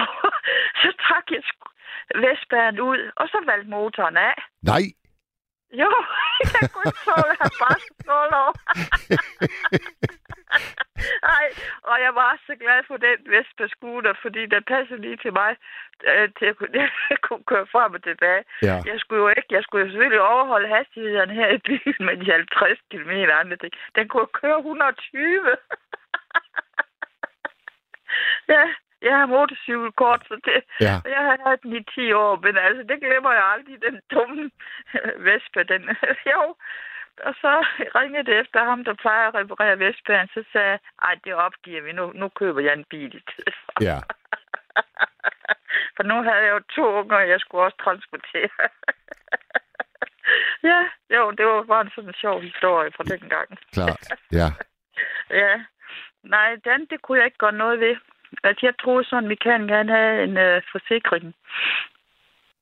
Men så skal man nok både have advokat på, og jeg ved ikke hvad, og nej, det er jeg orket, det er altså ikke. Nej. Og jeg Og sådan, kører sådan, lige- tror jeg, sådan tror jeg faktisk, der er mange, der har det. Altså, de, ikke, de orker ja. ikke de der, de vil bare have det lagt bag sig. Ja, ja, og jeg, stadig, jeg kører stadigvæk i den. Det var nok 10 år gammel, så Ja. men jeg var rigtig glad for den. Jeg købte den brugt der, og det var et rigtig godt værksted i Odder. Så nej, det var jeg rigtig glad for. Men altså, jeg kunne bare ikke lide det der bagved, det der øh, pulver, han puttede på. Det kunne jeg altså ikke lide. Nej, det lyder altså også som en meget besønderlig løsning, det må jeg sige. Ja, Ja, men han sagde, at øh, det, det tæt, det blev, så blev den tæt Ja. i køleren, når man putter sådan noget pulver i. Jeg har altså ikke forstand på det, men altså, jeg synes bare... Jeg synes, jeg følte mig lidt... Ja, altså, altså jeg betale så meget for sådan noget pulver, det, det har ødelagt tingene. Ja. Det kunne jeg altså ikke lide. men, øh, men nogle gange, så føler man sig snydt. Ja. Det, er- jamen, det er jo det. det, er, jo det. Er, er der andre øh, dårlige investeringer, du kommer i tanke om, Inge? Nej, nej, det synes jeg. Jo, jeg engang øh, øh, blev øh, ringet op af banken, at der var nogen i Ægypten, der vil, der vil trække 20.000 på min konto. Nå, så du har også prøvet at få et af de der svindelopkald. Og så øh, det ringede banken og sagde, er du klar over, at vi har lukket din konto? Nej, hvor lukket? Så kan jeg da ikke handle ind. Jeg har da ingen kontanter. Nej, men det kan man ikke gøre noget ved. Jamen, hvad gør jeg så? Jeg skulle vente på, at der kom et kort. Det kunne var nok 14 dage. Så havde en bekendt, jeg, gav ned, jeg gik ned til og sagde, kan jeg lige låne 1000 kroner? Ja, ja, sagde han, så der var ingen problemer. Jeg skulle da lige handle lidt mad ind og sådan. Jo, jo, så sagde de øh, i telefonen, at det var i Ægypten, de ville stjæle 20.000, og stod kun 18. Det var derfor, de har opdaget det. Nå. Så, så altså, øh, opkaldet fra banken var sådan set Ja. ægte? Ja, de har stoppet det, fordi de vil hæve 20 i Ægypten, sagde de. Og der stod kun 18. Ja. Og det var jeg da glad for.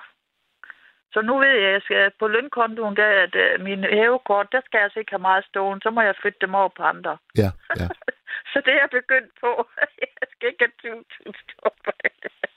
Ja, det er der nødt til. Jamen, der, får, der fik vi da i hvert fald igen bekræftet, at øh, bankerne, de ringer faktisk nogle gange til folk. Ja, det gjorde de, og jeg var da rigtig glad. Han, og det var jeg da også glad for, hvis der stod over 20, så har de taget den. Ja, så kunne de bare have taget dem. Ja, og jeg ved ikke, hvordan de er kommet ind. Jeg siger, jeg køber på nettet, sådan i det danske øh, firma, sådan jeg kører, jeg kører ikke udenlands, det tør jeg slet ikke. Nej. Når jeg køber noget, så køber jeg noget, der er på tilbud, og så og billig forsendelse, så kan jeg hente det over kiosken. Og så, det er jeg glad for. Men øh, man skal jo lære det der EDB. Og iPad'en, den, den er meget stabil. Der er ikke noget.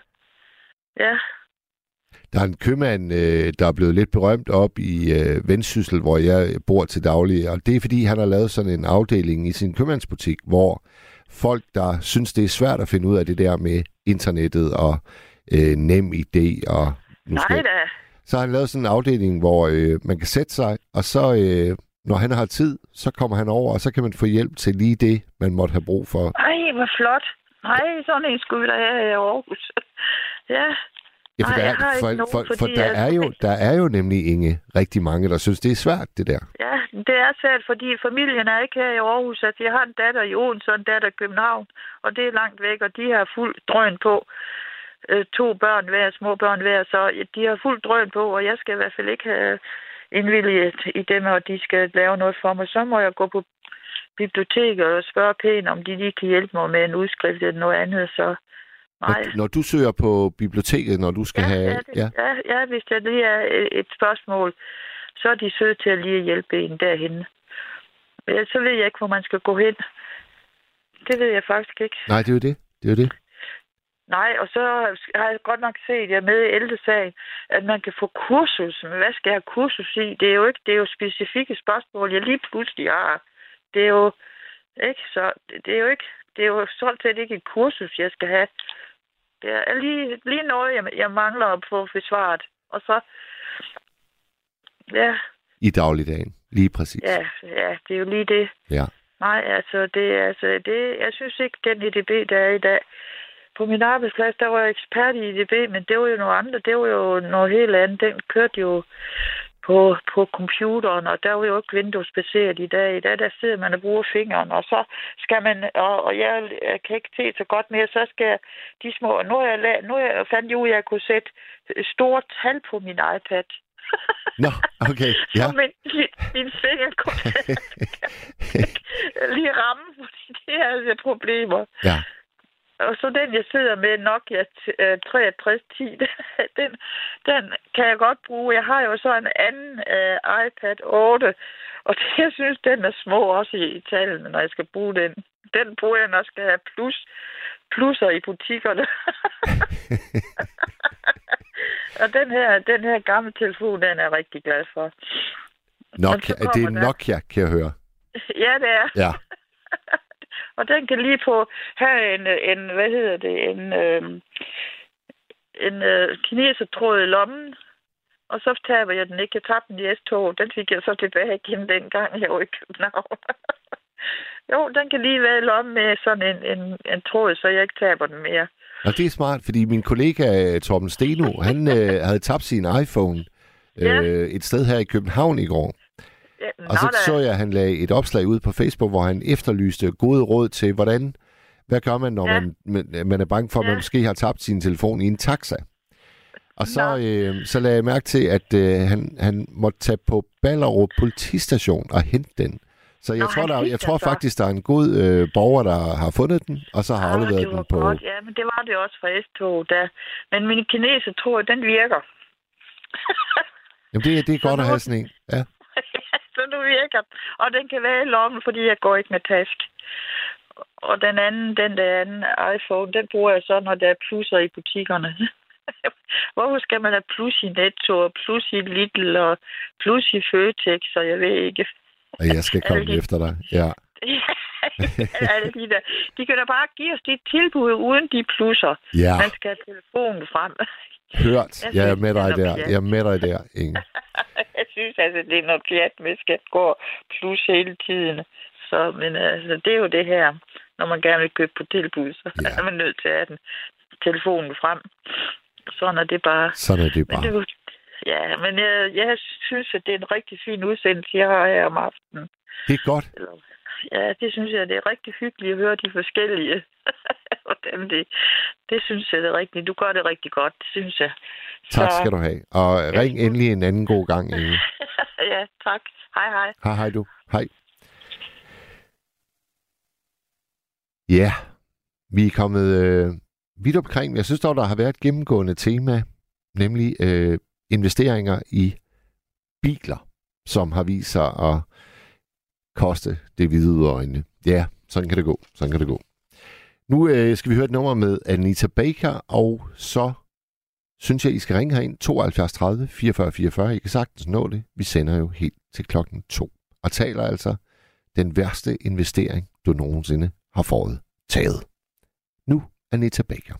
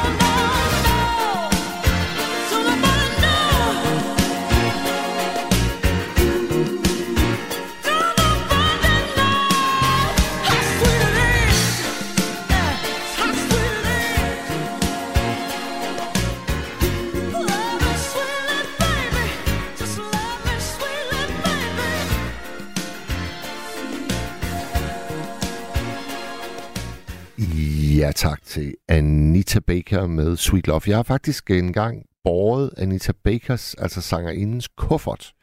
Hun øh, overnattede på det hotel, hvor jeg var bagagebærer som ung. Det har vel været i starten af 90'erne. Dengang var hun en ret stor stjerne. Ikke helt så stor som Whitney Houston og Tony Braxton og Mariah Carey. Der var de tre helt gigantiske divaer. Men jeg har altid haft en svaghed for Anita Baker, som lige har hørt her. Nu skal vi tale med Kasper. Det er rigtigt. Velkommen til. Tusind tak. Hvordan har du det? Jeg har, jeg har lige været igennem noget kraftudredning, så jeg har det lidt mærkeligt. Men øh, og så ja, en masse andre sygdomsting, men, men, men, men jeg lever. Du lever da i bedste velgående, og jeg, jeg kan da genkende din stemme. Vi er kommet til Svendborg. Vi er kommet til Svendborg, og øh, Trine sidder ved min side, og min lille søde hund er her også. Nå, det er, det er velkendt... Øh... Velkendt hvad? Jamen, det er, det er, jeg, jeg, jeg leder efter et ord. Det er velkendte stemmer og omgivelser, vi er i Svendborg. Hvordan, øh, hvordan, hvordan ser du på nattens emne? Dit livs værste investering, Kasper? Jamen, jeg sige, det er slet ikke mit livs værste investering. Det er faktisk min, faktisk min kones værste investering. Forklar. Og det er nok at blive gift med mig. Nå, det var da et meget selvudslættende øh, udsagn. Ja, altså, men, men nu snakker vi jo kun økonomisk. Ja. Men Men er, hvis er, man er, skylder er, over en halv million væk, Nå, på den måde. så, så bliver man jo gift ind i en kæmpe gæld, ikke? Ja. Og det, det er jo skide synd for hende. Og så, og så, så, så, så fik jeg på en eller anden mærkelig måde overtalt hende til at lave sådan en koncertspillestedshal til mig og mit band. Og så mit band lige øh, sagt, øh, fuck dig. Øh, og det har vi brugt 160.000 på. på trods af, at vi er begge to førtidspensionister. Og det, det, det, og det hele virker sådan lidt absurd. Men er, det, det er ikke noget, der er sket her for nylig, vel? Jo. Ja. Nå, Nå for så. Hvor, hvad, hvad, forklar, det, det er jo en form for investering. Altså, Trine, hun, hun havde pengene til, at I kunne få et, hvad, hvad sagde du, en, en lille festival opstå? Øh, jeg har været festivalejer. Øh, og spillestedsejer og sådan noget. Som, som, da jeg flyttede herned, så lejede vi en garage Ja. på 70 kvadratmeter. Så havde vi sådan, ja, sådan et sted, hvor det var, at vi byggede en scene op og købte en masse guitarforstærker og en masse guitar og guitarpedaler og en masse lys og sørgede for, at man ligesom kunne afholde ting. Øh, men så, øh, og så sørgede vi for, at jeg kunne have et band, og hun kunne sidde og male, og vi lavede en bar og sådan noget. Så var aldrig rigtigt det helt til at køre. Og så brugte vi en masse penge på det, og så mit band skrevet fra mig, fordi de synes at jeg var ulig vigtig. Og jeg Øh. går, jeg går ud fra, at øh, de efterlod regningen hos jer. Ja. Nå, for søren. Så Au. det er rigtig nederen. Så, så, så det vil sige, at jeg har bare... Ja, jeg er egentlig bare... Øh, altså, altså, historien er jo mere det der med, at, at regningen... Altså, altså, øh, jeg tror bare, jeg er dyrt bekendtskab. Ja, ja. Ja. og, det, og det er sådan lidt komisk, ikke? Fordi det er jo ikke, fordi vi har mange penge. Øhm, eller tjener nogle penge overhovedet. Nej. Altså, Øh, så vi overlever bare. Kasper, jeg står jo faktisk øh, at kunne have den samme tanke, som, som, som du har. Altså, øh, min, min kæreste, hun har jo altid haft styr på sådan noget med, med pensionsopsparing. Øh, hun har altid haft Ja, en ja, bundsolid kvinder er meget bedre til det, end vi er. Altså, jeg kommer jo også ind i det forhold med en ordentlig øh, gæld. Og øh, jeg tjener forbløffende lidt i forhold til, hvor meget jeg arbejder. så, det så, vi kender vi vist alle sammen. Ja, men, men sådan, sådan er det jo bare nogle gange. Og det, men, men min pointe er, Kasper, det er, altså ikke, det er altså ikke noget, der får mig til at sige, at jeg synes, hun har gjort en dårlig investering. Det må jeg skulle sige. Nå, men det, det må jo betyde, at jeg har noget menneskeligt at byde på. Jamen, jamen, det er jo sådan, jeg gerne vil have, at du skulle se på det. Jamen, det prøver jeg også, men jeg kan godt afsløre, at det er lidt en daglig kamp. Okay. Og det, og det er jo selvfølgelig ikke sjovt, men jeg prøver. Hvad, hvad, hvordan kommer det til udtryk, at det er en daglig kamp? Er det, er det, når du kigger dig i spejlet, eller er det, når du kigger hende i øjnene, eller er det, når regningerne det, der kommer? spejl, Det, det, eksisterer, det, det eksisterer vist ikke. Det, det kan jeg ikke så godt lide. Men jeg har ikke noget problem med at kigge hende i øjnene. Nej. Det, jeg elsker at kigge hende i øjnene. Hun har de smukkeste øjne. Det er sådan noget blanding mellem grøn og brun. Og så er der sådan en lille spil i det. Jeg har aldrig nogensinde set noget så smukt. Så altså, jeg bliver velsignet hver dag af hendes øjne og hendes duft og alt sådan nogle ting. Så Ja, ja, ja. det, Men, hvad, hvor, hvor, hvor er den daglige kamp så? Jeg jo selv synes, at man har lige så flotte øjne. Eller sådan, du ved. Og at man selv synes, at man er lige så god. Ja. Eller øh, er, er værdig. tror jeg. Sådan noget. Øh, og der, der kan det der gæld, det kan godt komme lidt ind, og så, så, så drille lidt, ikke? Ja. Fordi at jeg, jeg kommer jo aldrig nogensinde som førtidspensionist til at betale 500 eller 600.000 af til det offentlige. Har Altså, du, øh, jeg, har, jeg har jo indgået en øh, afdragsordning med skat. Det er skat, jeg skylder. Ja, jeg er i gældsstyrelsen. Okay. Øh, Og- og så trækker de simpelthen bare noget om måneden. Øh, sådan noget en maks procent af et eller andet, jeg tror det er sådan noget 5 eller 6 eller 7 procent eller sådan noget. Øh, af, af, af min førstidspension. Ja. Og det kan de jo så blive ved med i en uendelighed. Og selvom om det kommer til at køre snorlige, så vil du ikke blive gældfri i din levetid. Det er sådan, du ser på det. Aldrig nogensinde. Nej. Og det er jo en... Nogle gange så sidder jeg og ser det der, det er ligesom alle mulige andre ser luksusfælden, ikke? Ja. Og så tænker man det der med, hvorfor er det, vi alle sammen skal... Jeg, jeg skal lige sige noget, inden jeg siger det her. Jeg er meget venstreorienteret. Også uddannet i makroøkonomi og sådan noget. Mm. Det, det er altså... Det, det der med nødvendigvis at være gældfri, det kan jeg ikke partout se ideen, hvorfor man skal være det, for at være et rigtigt menneske, som må leve på samme demokratiske præmisser som andre. Men det er jo rigtigt, at, øh, at, at jeg et eller andet sted måske altså lever lidt lukrativt på andre folks bekostning, og det kan godt være moralsk svært nogle gange. Ja, ja. Men det er jo sådan et velfærdssamfund fungerer, og nu er jeg jo førtidspensionist. Det er jo ikke noget, man... Altså, det tog mig ni år at blive det. Ja. Men det var jo ikke et mål. Målet var at jeg skulle være superakademiker øh, øh, inde i, i, ja, hvad man vil kalde indrigs- eller socialministeriet, eller hvad det hedder i dag. Jeg har bare gået væk fra det. Ja. Øhm, men, men, men jeg har ikke dårlig samvittighed over vejret. Men nej. nogle gange, så kommer den snigende. Ja. Hvor ofte, hvor ofte, Kasper, i løbet af en måned bliver du mindet om, at du har den gæld?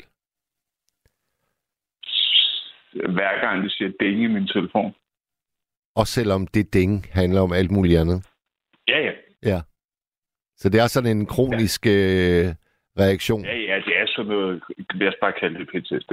Ja. Reaktion. Så, så, så, så, så det er relativt ubehageligt.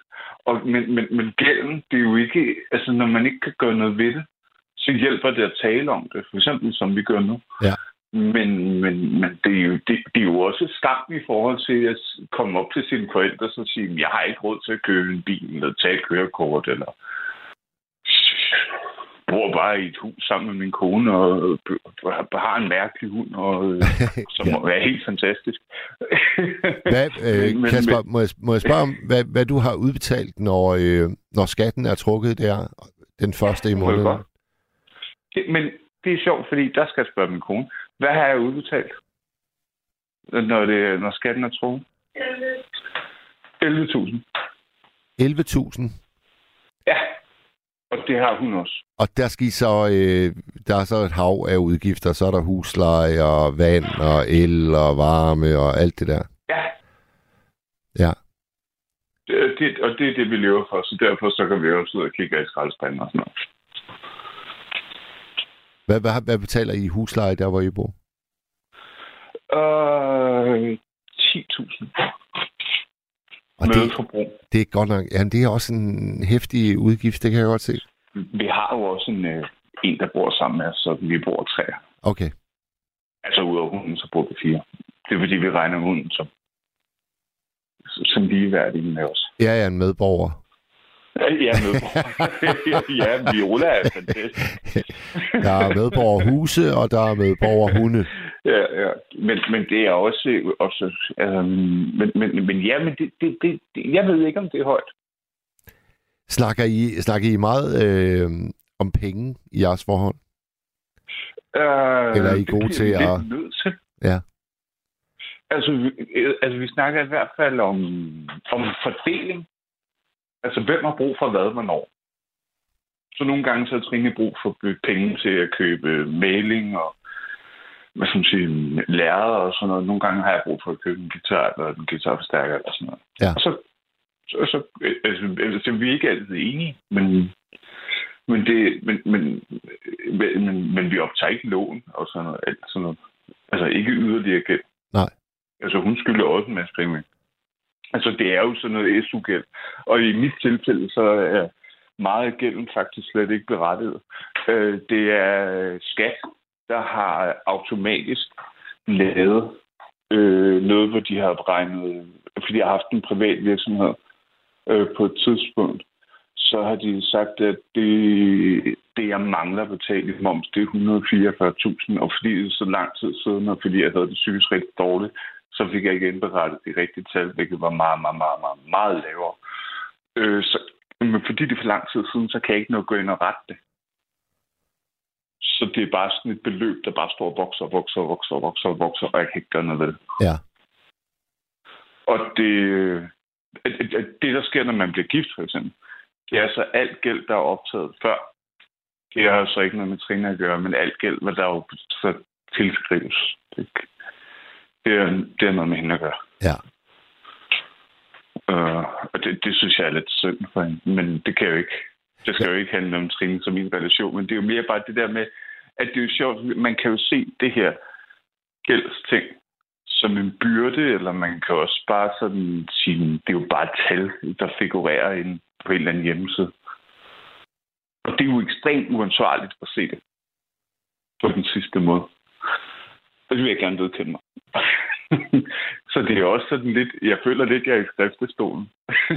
uden, uden det er negativt. Jamen, det, jeg, synes, jeg synes jo faktisk, det, hvordan det, man, det, hvordan synes, man lever med det. Ka- Kasper, jeg synes, det er meget originalt at, øh, at, at byde ind med, at du er den værste investering. Det synes jeg er ret originalt Jamen, det mener jeg helt oprigtigt. Altså, altså, en ting er, at jeg er bimlende autist. Noget andet er, at jeg også er lidt pseudodepressiv. Men så er det også kommer med en gæld øh, og en præference for en særlig slags hund, og, øh, og kun med bo i Svendborg og ikke nogen andre steder. det, øh, det, det, altså, jeg forstår, jeg forstår ikke, hvorfor min kone gider mig, men øh, det, det vil hun åben. Altså, altså, så spiller jeg syrerok oveni. Altså, det er jo helt gak. Hvor, hvor, hvor, længe er det, hvor længe er det, I har været et par? Øhm, var det, da vi var unge, men ellers så fem år. Fem år. Okay. Snart seks, og vi skal til Hamburg i, i weekenden. Hvad skal I lave i Hamburg? Jamen, vi skal se vores yndlingsband, der hedder The Chameleons, Aha. som har 40 års jubilæum på øh, deres plade, der hedder What Does Anything Really Mean, Basically. Øh, som er sådan en post-punk-band, der kommer fra Manchester, som ligesom var øh, Joy Divisions øh, ja, lillebrødre. Ja. Og hvordan kommer I til Hamburg? Så I har jo ikke bil, så I skal... tager toget fra Fredericia, og så er vi en god ven, der kører os. Jeg er øh, frivillig i forhold til at hjælpe ukrainer. Øh, og så er der sådan en, der hedder Niels, der står for øh, organisering og styring af det her hernede. Øhm, i, I forhold til sådan, den flygtningehjælp og sådan noget, og så hjælper jeg ham med sådan at bære ting, og sådan meget praktisk gris. Og så øh, han har bare sagt, at vi- han vil gerne køre os Ja. til Fredericia. Og så tager vi toget. Det Det er, det er skideskønt. Hov, har vi mistet dig, Kasper? Det her det er et meget sjældent tidspunkt at miste en lytter på her i nattevagten. Den er tre minutter i, i to. Det tror jeg faktisk ikke, jeg har prøvet før. Lenny, han skriver, man kan rette fem år tilbage i skat. Med venlig hilsen. Tak for det råd, eller den konstatering, Lenny. Så skriver Ina, hej Mads, Kasper og Trines hund er en West Highland White Terrier. En pragtfuld lille race og billig i foder. Så det er jo ikke den, der er dyr. Med venlig hilsen. Tak for den, Ina. Nå, det var godt, Kasper, du vendte tilbage der. Vi har nu to et halvt Ja. minut tilbage.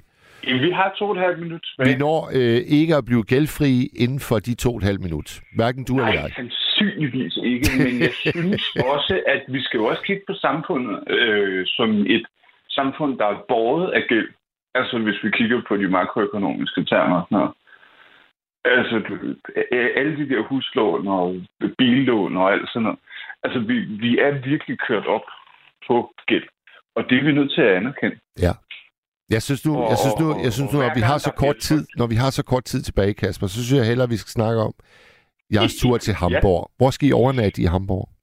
Jamen, vi har simpelthen øh, lejet 0 stjerner. Altså det der program fra DR. Ja. Så vi har simpelthen fundet det dårligste hotel, vi kunne finde. og det, Det- det kan jeg godt lide. Ting, og, sådan, og det er Jan Lillehøj, min gamle vikar fra folkeskolen. Ja, ja, det er et skide godt program. det gør det Skide godt. ja. Det er, Men- til jer, der ikke måtte vide det, det er to unge mænd, der rejser rundt i verden, og de har kun én Og ambition. så bare oplever lort. Ja, lige præcis. De har kun én ambition. Finde de værste hoteller overhovedet. ja, og så bare virkelig, virkelig være selvslættende, og så udgiver de bøger ved siden af, hvor der de besøger steder, som er nedlagt og sådan noget. De er geniale, men, øh, men senere, ja, vi skal simpelthen til Hamburg og se vores yndlingsband, der bor på et lortehotel. Ah, det lyder bare skønt, det hele, synes Og jeg. så bare tage afsted med toget og tøffe, og så øh, forøge vores gæld. Jamen, øh, Kasper og Trine og hund. Hvad er det nu, jeres hund hedder? Øh, den hedder øh, Viola, og vi får faktisk en man til, som er hendes kusine næste uge. Og den får vi gratis, hvilket er fuldstændig vanvittigt. Okay. Det er en West Highland White Terrier, og de koster vanvittigt mange penge. Ja.